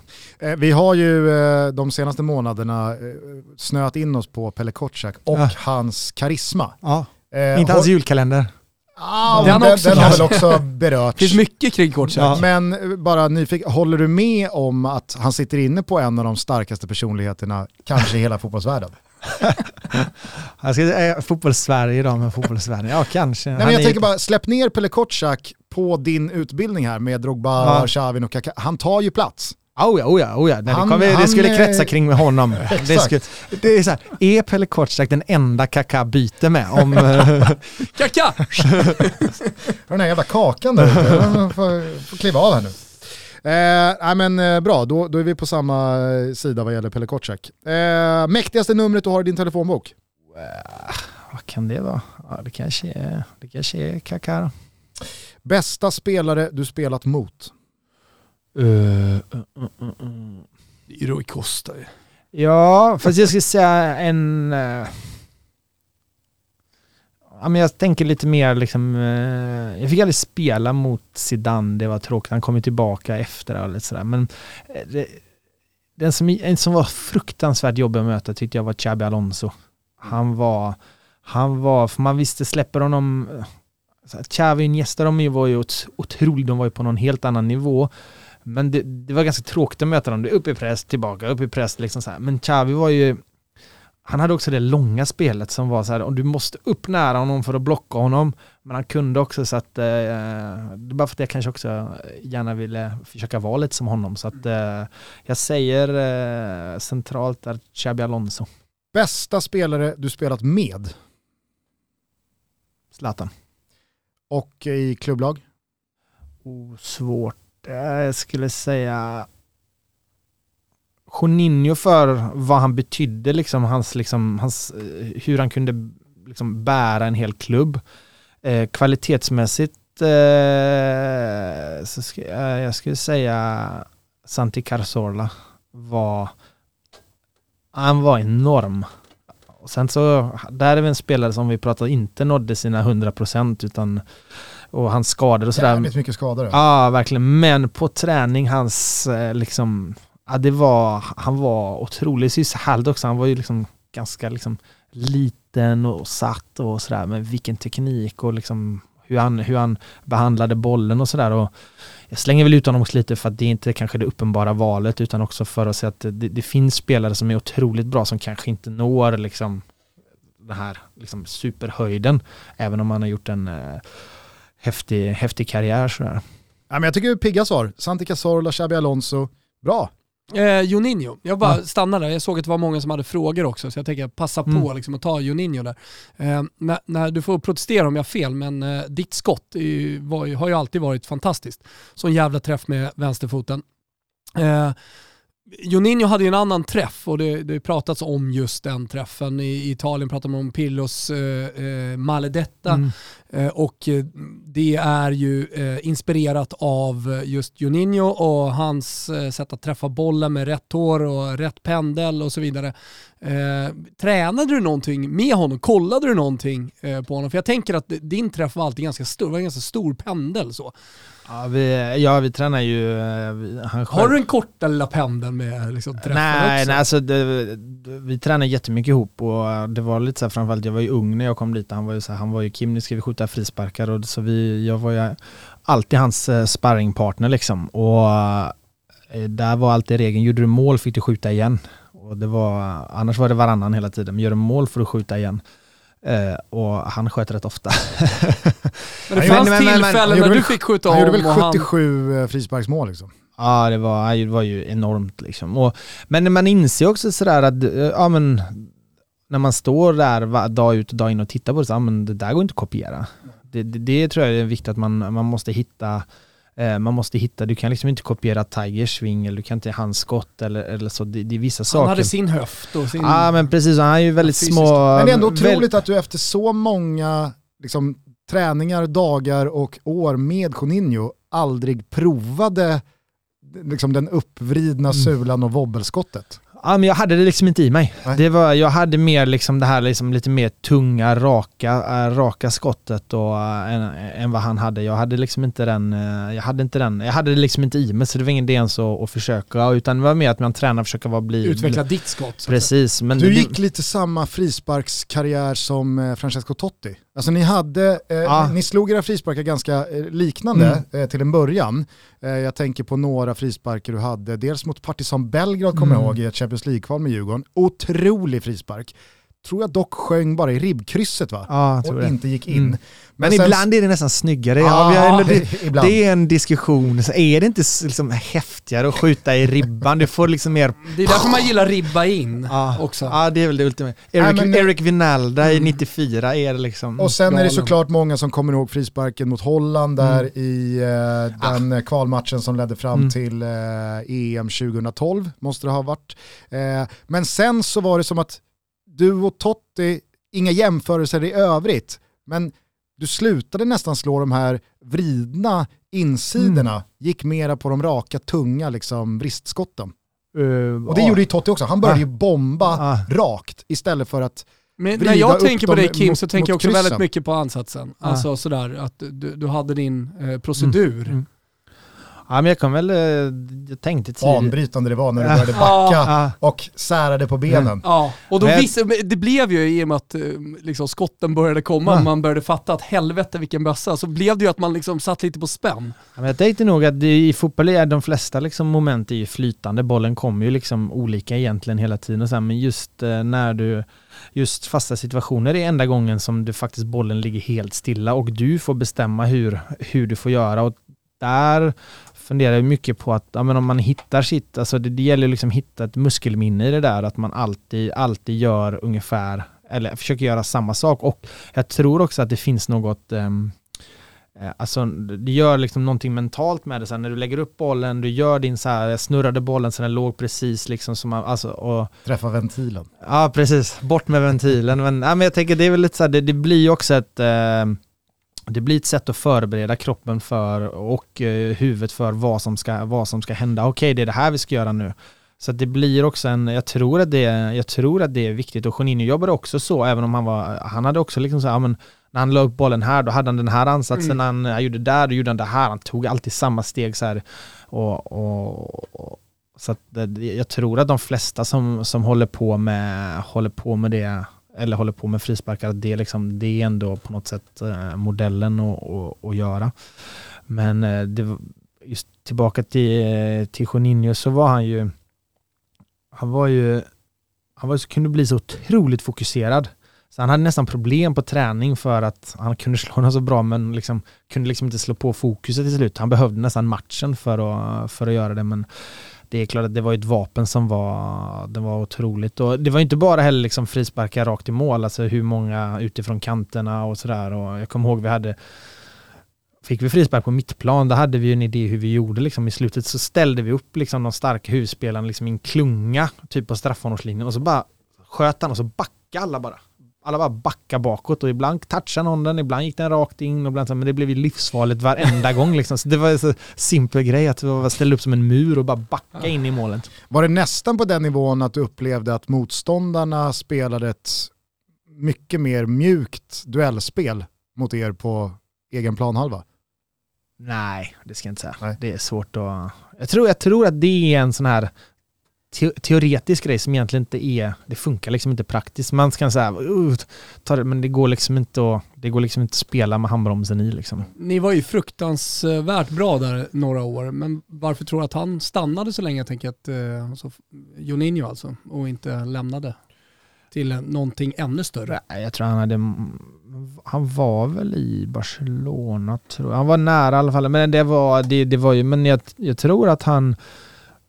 Ja, men han, fick, han fick kärlek och de betalade honom och Mm. de gjorde allt för att, för att ha honom kvar och han fick vara stjärna och han är och sådär. Det är väl en jävla underskattad aspekt för vissa spelare att om jag är kvar här så är jag top dog. Mm. Eller Eh, gå någon annanstans Mm. och så ska jag slåss om Ja. samma status med fem andra. Ja, men han körde Ja. åtta år i Lyon Mm. och sen så eh, eh, resten av racet. Eh, Algarrafa, Ja. Vasco da Gama, sen New York och sen tillbaka till Brasilien igen. Och, sen, och nu är han ju tillbaka som sportchef i, i Lyon. Så. Mm. Säger väl en del om hans relation till Oh ja, oh klubben ja. och stan. Hörni, vi är sponsrade av NLY Man och nu är det fan dags att uppdatera garderoben. Vintern är på väg, det är full höst och Eh, det har blivit mycket kallare. Varför inte spana in en ny snygg vinterjacka? Själv hittade jag en riktigt snygg en från JL. Grymma detaljer, tidlös och mm, jag kände att den var perfekt för den här snutiga looken. Kolla på Instagram så ser ni. De har även eh, snygga västar och fleecetröjor. Surfa in på NLYman och och eh, använd koden TOTO20. För de som gillar att fynda lite extra så pågår även mid-season sale just nu och eh, det är upp till 70% på varumärken som Fila, Ralph Lauren, Nude Jeans och Levi's. Vi säger stort tack till Enny Nyman som är med och möjliggör Toto Balotto. Lystring, lystring, lystring eh, hörni. Vi har ett budskap som är otroligt viktigt, eh, inte minst så här 2021. Det är nämligen så här att Elgiganten har ett storslaget mål. Lyssna på det här och vi ska alla hjälpas åt. Toto ska hjälpa och ni ska hjälpa. De vill samla in och återvinna en miljon gamla mobiler. Så har du en gammal mobil som ligger hemma i byrålådan och samlar damm, Ja, det vet jag att ni har. Jag har väl en sju, åtta stycken. Ja, men kom in med den eller dem till ett av Elgigantens varuhus, så återvinner de den på rätt sätt. En mobil innehåller en jäkla massa viktiga metaller och mineraler, och upp till 95% av en mobiltelefon kan faktiskt återvinnas. Om man återvinner bara en mobil så sparar man ungefär 60 kilo koldioxid. Och det motsvarar ungefär 460 kilometer bilkörning. Ja, men det låter helt sjukt, men det är så det är. Många vet inte vad de ska göra med de gamla mobilerna, men här kliver alltså Elgiganten in och hjälper till. Tillsammans tycker jag att vi bestämmer att vi ska samla in en miljon mobiltelefoner. Så inför helgen här nu, leta upp alla era gamla mobiler som ligger och skräpar, ta dem till Elgiganten och hjälp till att återvinna. Detta gör vi för att tillsammans göra en otroligt god insats för miljön. Kom också ihåg att Elgiganten har tjänster om man vill ha hjälp att föra över information eller ta bort personlig data för att kunna sälja sin telefon vidare. Hur som helst, tillsammans samlar vi in en miljon mobiltelefoner om man vill läsa mer om det här så går man in på elgiganten.se, kollar våra sociala medier. Vi säger Big Up till Elgiganten. Toto Balotto är denna vecka sponsrade av Max Burgers och nu säger jag det här för sista gången. Korean barbecue finns på menyn, men kanske inte jättelänge till. När jag käkade den så var det någonting nytt. Alltså man har ju testat på en jäkla massa olika burgare genom åren. Men det är någonting med Korean barbecue-såsen. Har ni inte testat den så måste ni göra den. Och hur den tillsammans med den färska koriandern liksom bara äh, men hoppar i munnen och gör underverk. Man kan också välja halloumi eller plant beef om man inte vill ha kött. Är ni med? Va? För det antar jag att ni är. Jag tycker också att det är på sin plats att lyfta på hatten för Max Burger som alltid vågar spänna bågen, testa nya koncept och låta sig inspireras från fler hamburgerhåll i världen än bara det amerikanska. Bra Max Burgers. Vi säger stort tack för att ni är med och möjliggör Toto Balotto. Eh, vilket är det bästa lag som ditt lag har stött på? Vilken är liksom den tuffaste motståndarmatchen Ah. du drar dig till minnes? Men det är nog något Barca-lag där. Någon, eh, någon gång där. Pep Guardiolas... Ja, då, då var ju, då kände man så här, "Pff, det här, det här är uppförsbacke alltså. Det är så här, just där på Camp Nou, det är liksom, det känns bara, det känns som det, det, är så här, det blir mycket ytor att täcka i, idag. Där ska jag säga att det var, det var, det var, det var tufft. Sen, eh, ja men jag ska nog säga att det var så här, man kände att det, sen är tyska, tyska landslaget är alltid jobbigt att möta också för att det är som att eller även tyskarna och Bayern, Bayern München, för att det är liksom inget stopp i dem. De, de, så här, Barca slår ju av på takten och bara så här, okej, vi- nu är vi överens om att det blir det här liksom. Det blir inte så mycket mer och så håller vi det. Tyskarna, de slår inte av på takten så man, är, man känner att man har... Man vill förnedra. Ah, Nej, men det, vi pratar mycket ja. om i Toto också. Mm. Liksom att i Spanien, Italien, Frankrike, där, där Mm. finns det nästan en gentleman's Mm. agreement Mm. att eh, efter ett tag, då, Ja. då spelar vi av det här bara och domaren Mm. blåser på 90. Mm. Men tyskarna, så Ah. de ska fan mata in Mm. på slutvissla. Det där tror jag präglades också i Bayern München av just Pep Guardiola, för att han har alltid sagt att liksom det mest respektlösa man kan göra mot en motståndare är att hålla på och slå av på takten och nästan så här göra sig, äh, vi skonar er. Ba- Barca, Barca körde ju också bara på det. Jag men kommer det ihåg det när jag satt här med alltså så Olen och vi satt och liksom bara fyllde Pep på Guardiola har ju på- alltid haft den filosofin, Ja. att respektera sporten, Mm. respektera motståndarna, gör ditt bästa i 90 plus tillägg. Men man tänker också så här, oh det var en perfect match när han gick till, till Bayern München, men samtidigt så här i, i, liksom, i själva liksom grundfilosofin känns de väldigt långt ifrån varandra. Så att så, så bra match var det då. Täcket är väl också på att det gick ju inte så bra som man trodde att, eh, eller som det kanske borde ha gått. En sån här jävla oväntad förlust mot en motståndare som kändes där och då övermäktig med landslaget, det var ju Ryssland EM 2008.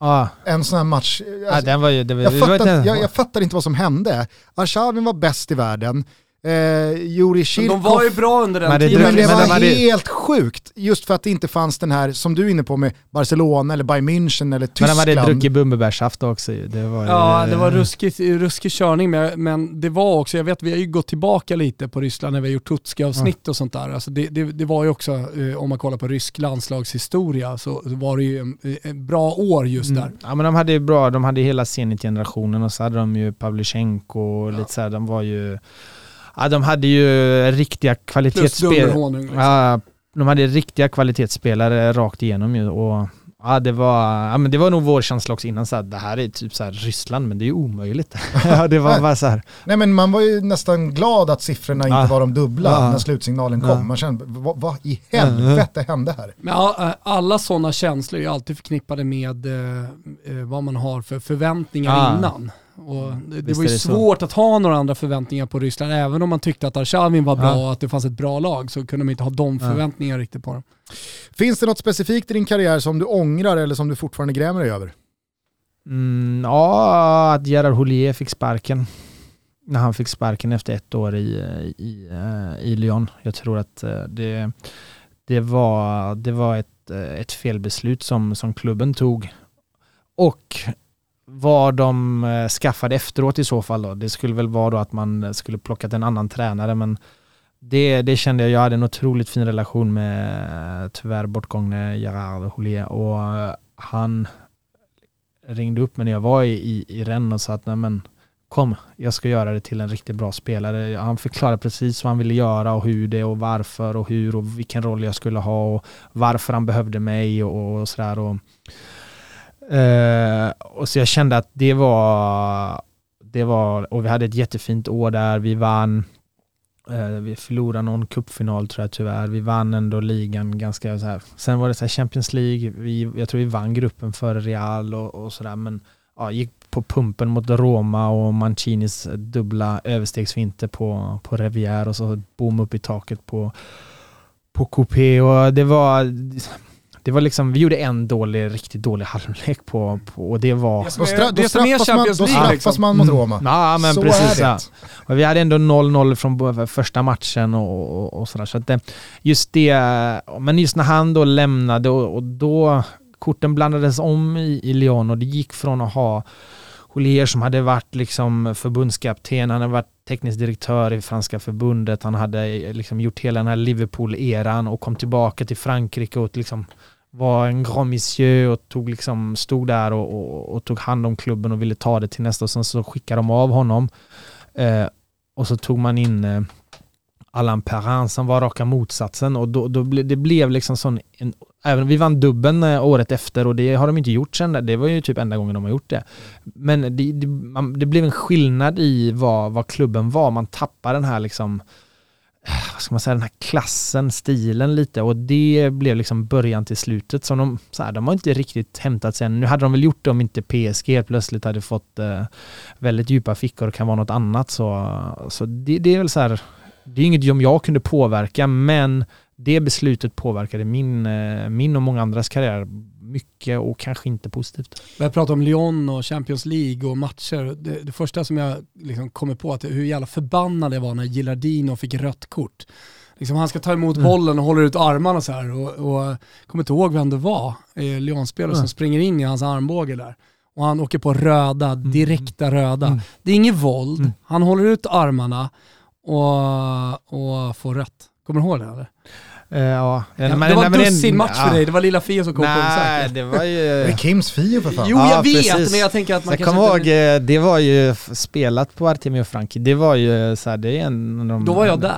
Det är en av de fi- finaste stunderna. Vi hade dem två år i rad också tror jag. Så, just den här gång, vandringen, eh, vandringen ifrån eh, när man är i omklädningsrummet. Och omklä- upp i eh, fjäs eller? Nej men precis, men det är ju, ena laget byter ju om på en våning och det andra på våningen under. Sen går man i någon sån här spiraltrappa och det är liksom monster eh, monster, eh, monstervandring jag pratade med nu senast på, med Balsaretti för han jobbar ju för eh, Dazon, och, eller Prime är det som sänder där nu. Och, ja, men de har, det, det Ja, säkert så i alla fall så- så, så, och berättade, ja men de har byggt om nu Frankrike, så jag bara, ja äntligen slippa den här gången. Så, bara, nej, nej, nej, nej. Det tar de inte bort den här jävla monstergången som är, man får liksom lämna omklädningsrummet en kvart innan. Så att, eh, Men på tal om att eh, ångra och eh, gräma sig eh, över saker och ting. Det är många lyssnare som eh, undrar ifall eh, du hade konkreta eh, bud och möjligheter att gå till eh, några andra klubbar under karriären som du passade på och gick vänster Ständigt istället för höger. sådär. återkommande frågor. Är, är, Eh. finns, finns det något sånt vägskäl? Uh, ja, det är det ju såklart. Sen är det ju alla de här, oftast när det inte blir något så, det, det beror ju på någonting. Det är många människor som ska, eller det är många olika delar som ska passa när man ska flytta, man ska komma, över, komma, över, komma överens och, och sådär. Så att eh, nej, det kan jag nog inte säga.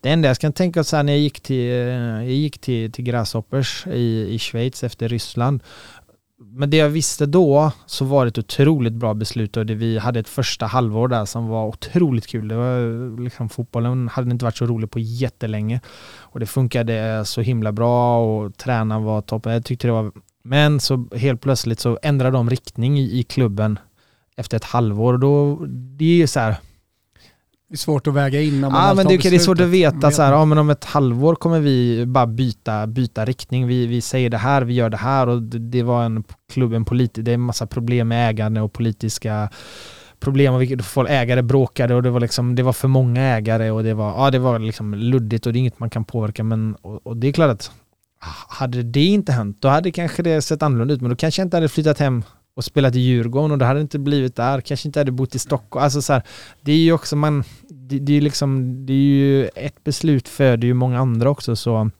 det kan ju, men rent fotbollsmässigt var det tråkigt för att jag var, kände att jag var i en, i en bra ålder och, och, och, kände att jag var, var på gång. Det funkade ganska bra i landslaget och vi hade liksom ett EM framför oss och så blev det sådär. Och det är så här, det kan hända liksom. Det är inget du kan, det är inget du kan, eh, det är inget du kan påverka. När, om man blir på som när Unai Emery fick sparken i Spartak. Det var också sådär, vi hade liksom, han hade något spännande på gång. Jag tyckte han var otroligt rolig tränare att jobba med och jag lärde mig mycket och så oh, blir det liksom några resultat emot och så bråk liksom internt med liksom styrelse och lite där och så ryker han och, och då blir det helt annorlunda förutsättningar. Så det är ju så, men det är svårt att ångra det, men jag tror Holier var så här, där är, om vi ska liksom komma till någon form av pudelns kärna. Hade vi haft mer tid tillsammans? Ja, det hade varit roligt. Jag tror också Lyon hade, det hade sett annorlunda ut i, i, i Lyon om han hade varit kvar. Men var det någon gång eh, ditt beslut och ditt ja ifrån Italien eller Spanien eller Tyskland eller?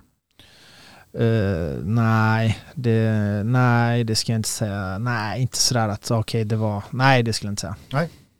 Eh, om du inte får svara Lionel Messi eller Cristiano Ronaldo, vem skulle du säga är världens bästa fotbollsspelare? Ska vi omformulera den, äh, den, frågan nu och bara säga vem är världens bästa fotbollsspelare? Ja, Ronaldo är väl det inte nu va? Eller är han det? Du stängde väl den diskussionen men Messi, en gång alltså, i tiden? Men frågan måste ju ändå vara så här, just nu. Eller? Ja, vem tycker du är världens bästa fotbollsspelare? Just nu? Eller ja, just nu. forever? Nej, just nu gud vad svårt. Det var, så en, det var så enkelt när det har varit de här två, att mm. man bara nu, nu är det så mycket man ska, man ska väga in, men Gud vad svårt. Många vill ju få det till att Salah just nu spelar ah, den bästa fotbollen. Ah. Jag skulle vilja... du har ju en eh, fin och lång eh, relation till Karim Benzema. Ah, som många har börjat prata Ballon d'Or kring. Mm. Ja, Berätta någonting på tal om, att vara Benzema. samtida, jag älskar honom. Alltså på tal om att vara samtida med några ja. som har prenumererat mm. på Ballon d'Or-utmärkelsen ja. i alla år. Så det har varit liksom meningslöst. Men eh, nu kanske han faktiskt är där och hugger. Jag är lite svag också för De Bruyne, men han har ju också upp det liksom, han får liksom aldrig liksom, det blir ingen, han, alltså hans höjd är ju otrolig och hans påverkan på Man City och sådär, men får liksom ingen eh, beständighet i det här. Utan så det är, jävla synd att han inte ah. fick vinna CL i, i våras och ah. lyfta den där pokalen och tysta alla som menar ah. på att han viker ner sig ah i, i de största matcherna. Ja, han fick näsan knäckt. Ja men det var, det var lite så typiskt också, man kände såhär, ah, du fick liten, liten, så, en liten snorbuse typ och sen visade det sig att han liksom, det var, allt var trasigt. Och det, Fraktur i pannan. Ja, precis. Okbenet. Ja. Thomas Ravellis gamla okben. men eh, tillbaka till, nej jag ska inte säga Mosala, nej, nej. Ja, kanske Karim ändå. För, också för det han får... First name basis med Benzema Thomas. Ah. Det är goal så var Karim bara med. Ja. Men Nej, kanske också... Det är Viola, det är Benzema. men kanske också för också det... Um, det han också måste bära nu i en, i en klubb som i en klubb som som lite har tappat, eh, tappat riktningen. Man vet inte riktigt vad det är. Det har varit galakt, det har varit så tydligt med Ronaldo och sen i alla fall Sergio Ramos och Varann drog och liksom och, och sen så får han han blev kvar och, och, och är liksom, det är inte Modric och Kroos som lyfter här utan det är ju verkligen han. Så att, eh, ja men det Hur var han som person då? Det är många lyssnare som har Mm. undrat just hur det var att spela med en ung Karim Benzema. Såg man det redan då att wow, det här är...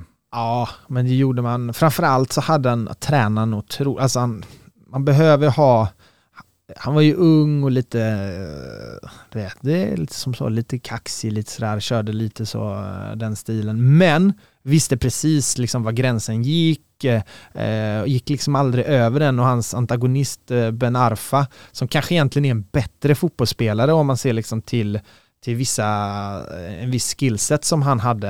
Eh, men där fungerar det inte alls eh, liksom hela vägen upp om man säger så. Och då och skillnaden där blev så, så, så påtaglig och markant att han han hade liksom, han hade spelet men han hade också mentaliteten och eh, tränade otroligt, eh, otroligt mycket och skicklig liksom, eh, skicklig i, i eller som han är väldigt behaglig att spela, spela med. Vissa spelare man spelar med är ju skickliga, men de rör sig dåligt. Alltså, och det tror jag så här, det är nog lite svårt att lära sig. Vissa spelare rör sig liksom, och så här, ja, men de står alltid rätt. Så här. Ska du gå höger eller vänster? Jag gick vänster, ja, det var rätt. Alltså, ja, han var otrolig, han var alltid spelbar, rörde sig alltid. Det fanns liksom en connection och han hade connection med alla. Vissa spelare har ju bara med vissa, men han har ju verkligen med alla. Så att, ja, det, ja, vi säger det för eh, för att hylla lite Lyon-tiden också.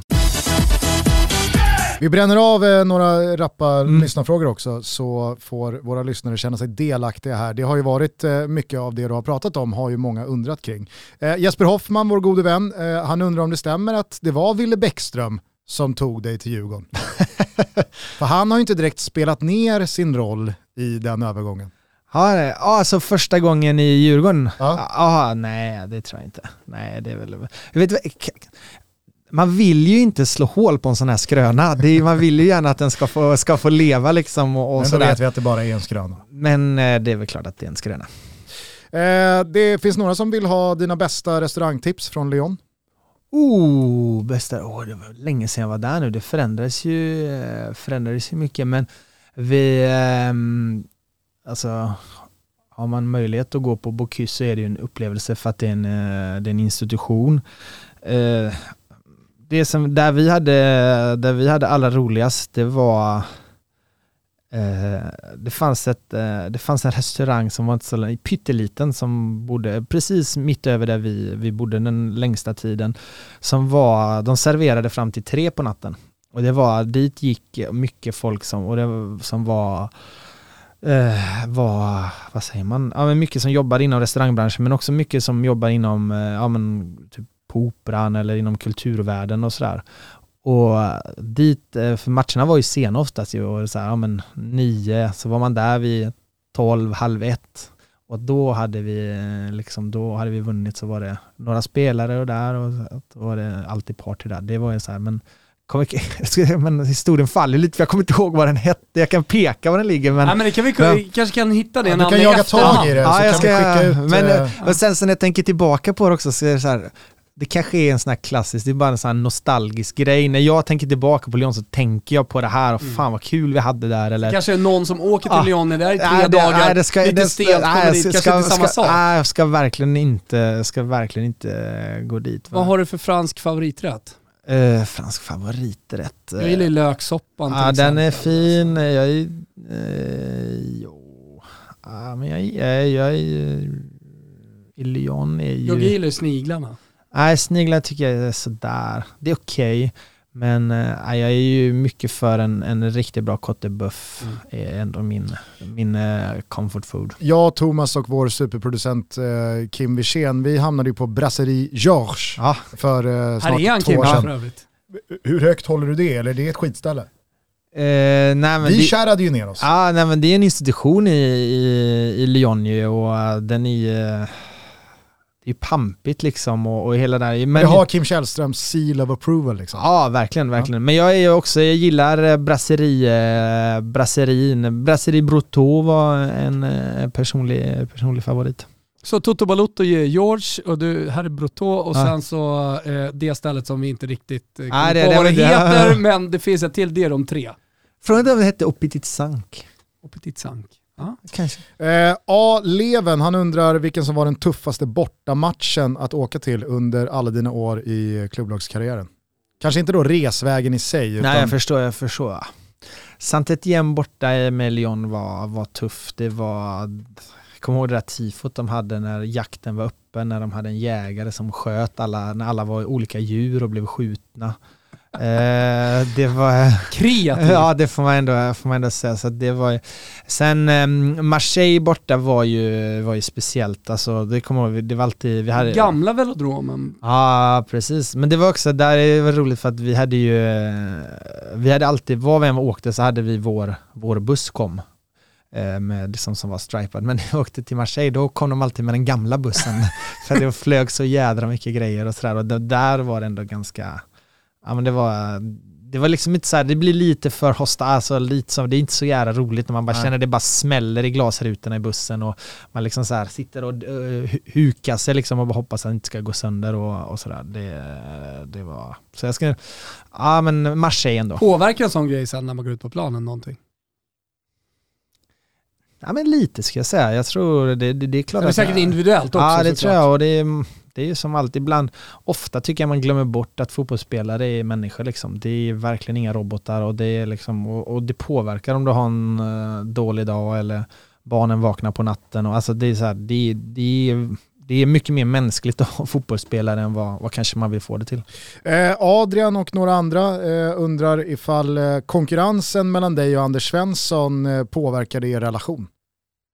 Mm, eh, jo, men det ska jag säga att den gjorde. Vi var ju väldigt eh, tajta i, i, i början och, och sådär, men ju, ju, liksom, ju hårdare, eh, ju tuffare konkurrensen blev, det, det, det är klart att det, det, vi, liksom, vi gled isär, men det, det som är intressant med det tycker jag är att vi har liksom alltid behållit en enorm eh, liksom, respekt för varandra och aldrig aldrig liksom gjort något elakt eller sagt något elakt mot varandra. Eh, och, och vi var polare hela tiden men det är klart när det, när det ställs så på sin spets så kanske man inte säger okej, okay, vi liksom, ska jag hämta kaffe åt dig liksom när vi hade och, och sen ironiskt nog så många av de bästa matcherna vi har gjort till landslaget har vi faktiskt gjort tillsammans. Vi var så här, kan vi liksom inte bara få spela tillsammans då? Ska inte, kan inte det vara en lösning? Men det var ju under lång tid liksom verkligen eh, omöjligt. För det kändes ju också eh, ett par år där som att konkurrensen blev osund på det sättet att den som startade sprang runt där med den här jävla pressen på att jag, Men- måste, jag måste göra Nej, men någonting det är Men efter det var ju 55 inte minuter. team Anders, team Källström, utan det fanns ju också team ihop. Eh, Ja. Jag, jag vet som jag, jag satt i, men sett bra fötter då Ja. på mittfältet bara. Och, Men det, var och så men det är klart att det, i, i den perioden slog du en dålig passning i 57 då var det bara att vända och börja traska mot sidan. Då visste du att då fiskades, eh, då fiskades skylten upp. ju. Och, det, och så här, var det så? Nej, så var det nog inte. Riktigt. Men känslan var så och det, det kan ju liksom, det kan ju liksom räcka lite så.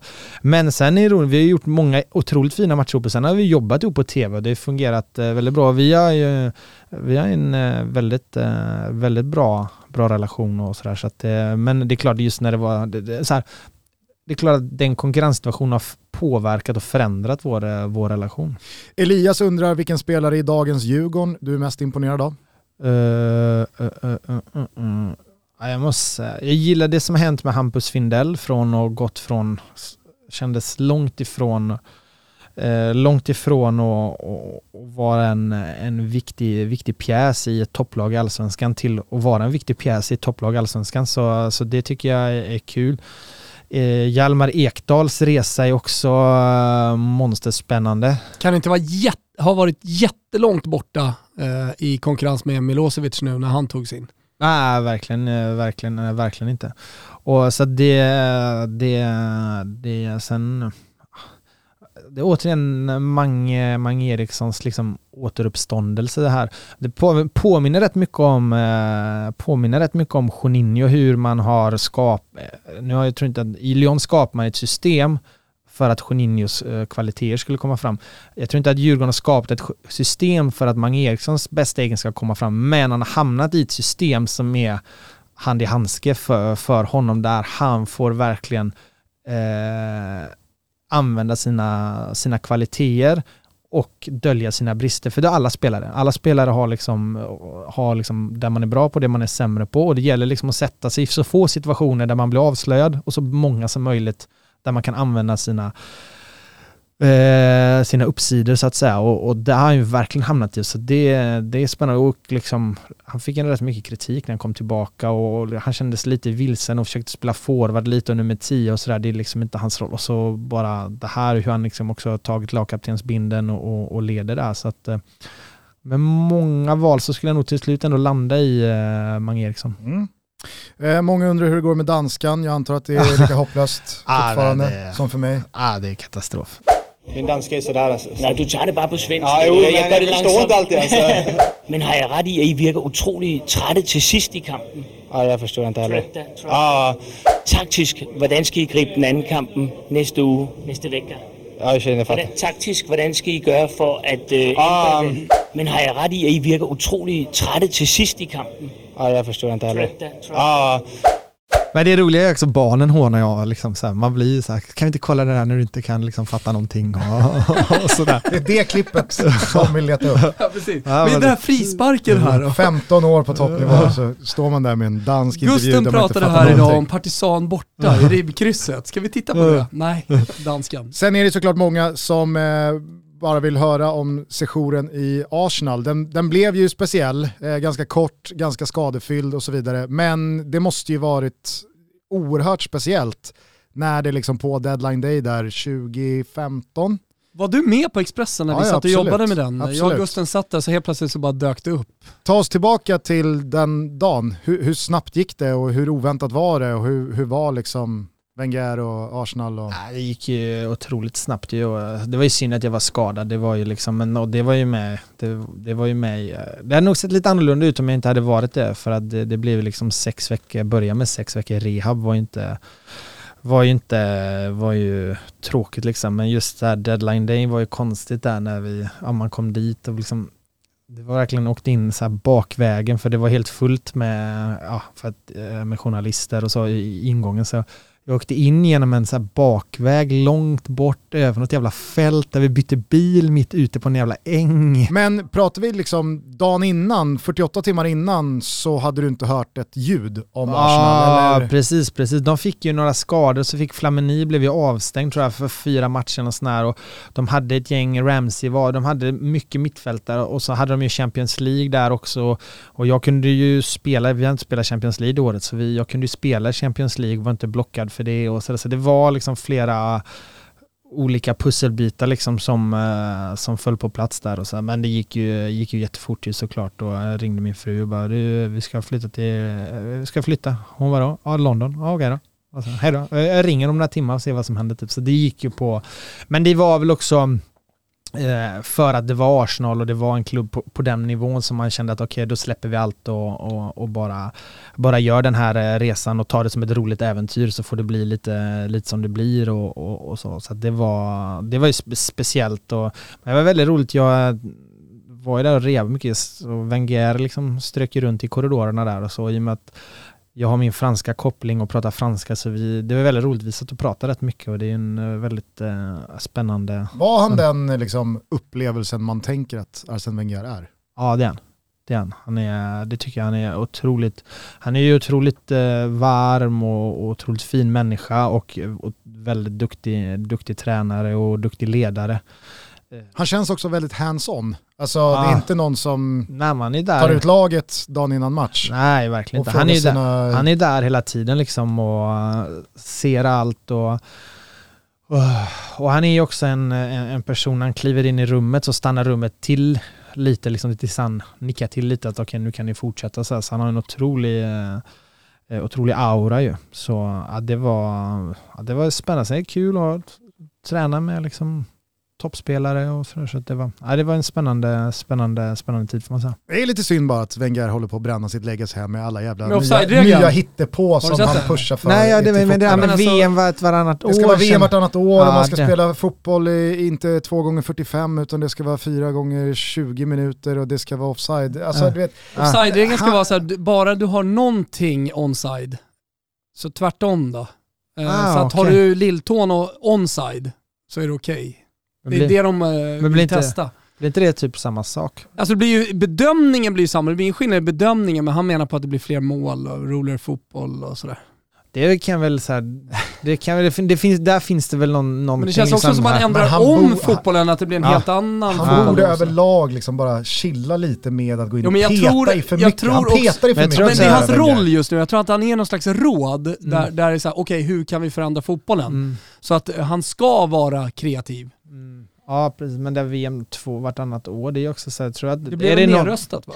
är det någonting som, eh, som fotbollen har varit bra på är att vara liksom konservativ och behålla de här, förhålla, behålla exklusiviteten i, i alla, alla, jag tycker bara, jag förstår ju att man vill eh, utöka EM för att man får in mer lag och det blir mer pengar och utöka VM för liksom mer lag och mer pengar och mer matcher och sådär men det Men att utöka med lag, det är ju något helt annat Jo, men det än finns, att dubbla eh, upp antalet VM. Ja, verkligen. Men det finns ju också någon... Eh, eh, det finns ju någonting eh, som är viktigt med exklusiviteten i det hela. Det är, det, det, det, alltså, alltså att man ska ha den där känslan med Champions League. Du kan liksom inte riktigt ta på det, men om det blir, om alla får vara med, då, då, får, Ja. då tappar, tappar man ju det lite. Kolla hockeyn, Ja. vad som har hänt Ja. med, med, med det världsmästerskapet. Sen tror jag också, det, jag tror vi inte, vi är liksom inte i det här så får man inte heller, vi är inte tillräckligt uppsjungna tror jag, alltså generellt eh, som konflikten mellan Fifa och Uefa. Eh, hur, hur, hur, fi, hur Fifa bara tjänar pengar var fjärde år medan Uefa tjänar varje år på Champions League och var fjärde år på, på. EM. Ja, nej men det blir, de är liksom de stora men de mackpengarna ligger ju Mm. mycket i Uefa och, och sådär så att det tror jag att man där, varför håller de på att göra det här VM för klubblag? Jo, det är för att utmana det är, det är ju liksom Champions League för lands, eh, eller för klubblag, alltså man är på, i, värld- på en världsnivå liksom och det är klart att det, det där är ju politik på otroligt hög nivå så det finns ju en baktanke tror jag när man skickar ut det här VM vartannat år för man kanske vill uppnå något annat och nu ska det väl upp och sätta, vad är det, 2024 till 28, det, det spelfönstret ska ju sättas nu här liksom och då, då det är lite förhandlingar där. Valid point, den moderna fotbollens kalla krig Mm. mellan Fifa och Uefa. Eh, 1.41 är vi på Ja, nu. vi ska runda av. Eh, vi lyfter på hatten för Kim Källström. Jag skickar med positiva ord från vår lyssnare Stingbase här, hade skrivit in. Eh, min farsa tycker samma sak, väldigt många andra också. Eh, alla tycker att du gör ett jävla bra jobb i, i rutan, i TV4 och Simor. Ja men tackar. Det, det, är ju, det värmer ju när, om tittarna gillar det. Så att, eh, men jag känner väl ändå att eh, vi har hittat en, eh, en, en, ett härligt eh, teamwork i, i studion. Men framförallt så har jag hittat själv mitt sätt att, att vara och uttrycka mig på. Sen får man ju- vissa gillar det, vissa gillar det inte. Men det finns, det finns en trygghet i det och det hoppas jag lyser igenom. Jag hoppas att du fortsätter och jag är åskådare, tittar och tycker att ni gör ett jättebra jobb också men ser väldigt mycket fram emot vad som ska bli efter den här utbildningen du går. Det är jag Ja. väldigt nyfiken på för det känns som att det ändå finns någonting där som du funderar på eh, i framtiden. Något slags mål även om resan är i vägen och så vidare. Det känns som en uppjackning från när Bojan Djordjic i någon intervju sa att han ville ha Björn Westerholms jobb. det var lite mer liksom, åt AIK-hållet. Här är det liksom, Kim Källström går en utbildning med Didier Drogba och Kaká och så börjar liksom Bosse Andersson någonstans där ute i Roslagen skruva på sig. Mm. Är, är det mitt jobb Nej, han så här, kommer för? ja, absolut kan man tänka så, men, men jag vet eh, en, en vän, Tor Christian Karlsen, eh, norrman som gick eh, eh, motsvarande utbildning i Italien. På den tiden den enda sportchefsutbildningen som fanns. Det fanns väl kurser hit och dit, men av värde så var han den första skandinav som gick den och har ju varit i Zenit och i Frankrike också. Eh, Hur som helst, varit runt väldigt mycket, både som konsult och sportchef. Eh, svenskar har det faktiskt inte funnits många som har haft tunga roller. Så därför, ser jag, eh, därför är jag nyfiken på vad som, vad som kommer hända. Ja, vi får se. Ja, vi får se. fan går det egentligen för Jens Gustafsson där nere på, på Balkan? Men så här, blir det bara, blir, bara, men blir det studio med Gusten, Mm. Champions League, mästerskap och så vidare, jättenöjd med det också. Se i alla fall mig, Kim, Vicky och alla andra i Champions League-studion här hela hösten och hela våren. Lång, skaffa ett abonnemang på Simor, gör det via simor.se sport eller om man vill eh, utöka sin fotbollsarsenal så kan man teckna ett jävla monsterabonnemang på tele.se sport så kan man få med Premier League också. Eh, så att, eh, det, är, det är bara att välja och vraka. Tipsar om man vill höra mer Kim Källström, en jävligt bra eh, podd med Rickard Henriksson. Jag sa det senast i Toto också. Eh, matchen heter den kan man söka i poddappen. Eh, ruskigt, ru- ruskigt bra, där han fokuserar på just en match. Ja, ro- otroligt roligt koncept. Jag kommer ihåg när Rickard kom och så liksom testade idén lite, även om jag, eh, vi är goda vänner och eh, också nördiga i amerikansk fotboll. Där har en till eh, amerikansk fotboll, så vi Mm. eh, hittar varandra där, men och spelade ihop i Djurgården. Så att, eh, just det så här, ah, wow, vilket koncept. Det här vill man ju, det här vill man ju lyssna på, det här vill man göra och ja, jag tyckte det var, det var unikt, det var speciellt och det är många fler som har gjort eh, otroligt roliga eh, avsnitt. Sista puffen får bli dock eh, för eh, VM-kvalet och eh, Nations League-finalen som stundar. Det är ju Sverige-Kosovo på lördag, sändningen drar igång 17.00, matchen startar 18. Jag säger att det är Sverige-Grekland. Belgien-Frankrike ikväll. Det är Belgien-Frankrike torsdag. ikväll, torsdag, absolut. Eh, Det är Sverige-Grekland på tisdag, men så gör du och jag och Lotta Schelin och Olof Lund Nations League-finalen på söndag. Spanien Eh, mot? Ja, det får vi se det? då. Jag tror, eh, jag tror Frankrike slår Ja, Belgien. men jag tror också det. Sista pushen dock, för det har lovat här. Nej men eh, vi har en tävling just nu med Celsius, de har en ny smak. Vi tävlar ut matchbiljetter till Sverige-Grekland. Så det är lite viktigt att man är med och finns på vår Instagram. Och man kan även vinna Lustigs använda VM-tröja, eller VM-kvaltröja från mötet med Georgien. Eh, och två flak Celsius. Eh, Blueberry Frost. Eh, allt man behöver göra är att gå in på vår Instagram så hittar man allting där. Du ska precis som alla våra gäster få avsluta din episod med en valfri låt. Som eventuellt eh, ligger dig nära om hjärtat eller eh, bara något alster som poppar upp i huvudet. Oh, Okej, då kör jag lite härligt eh, Söderdepp med Thomas Andersson Vi. Valfri låt eller? eh, Nej, vi kan köra Högdalens centrum. Högdalens centrum med Thomas Andersson. Vi får avsluta denna otroligt långa och roliga sittning med Kim Källström. Tack för att ni lyssnade. Tack igen Kim för att du kom och gästade oss. Tack så mycket. Ha en trevlig helg så hörs vi igen på måndag. Ciao Tutti! Ciao Tutti! Den sjunkande solen bränt till i ett fönsterpar Jag gick från perrongen upp mot Hanks Heaven Bar Och tunnelbanerummen de skakade under mig. När ett tåg kom in Jag var en timme för tidig. Jag skulle hem till dig. I Högdalens centrum vinst och förlust.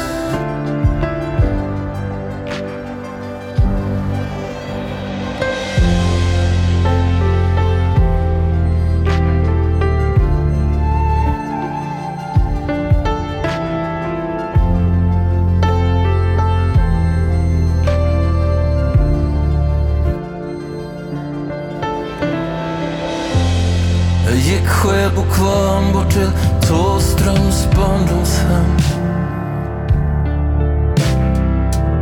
Brun trevåningshus, en tall skymde himmelen.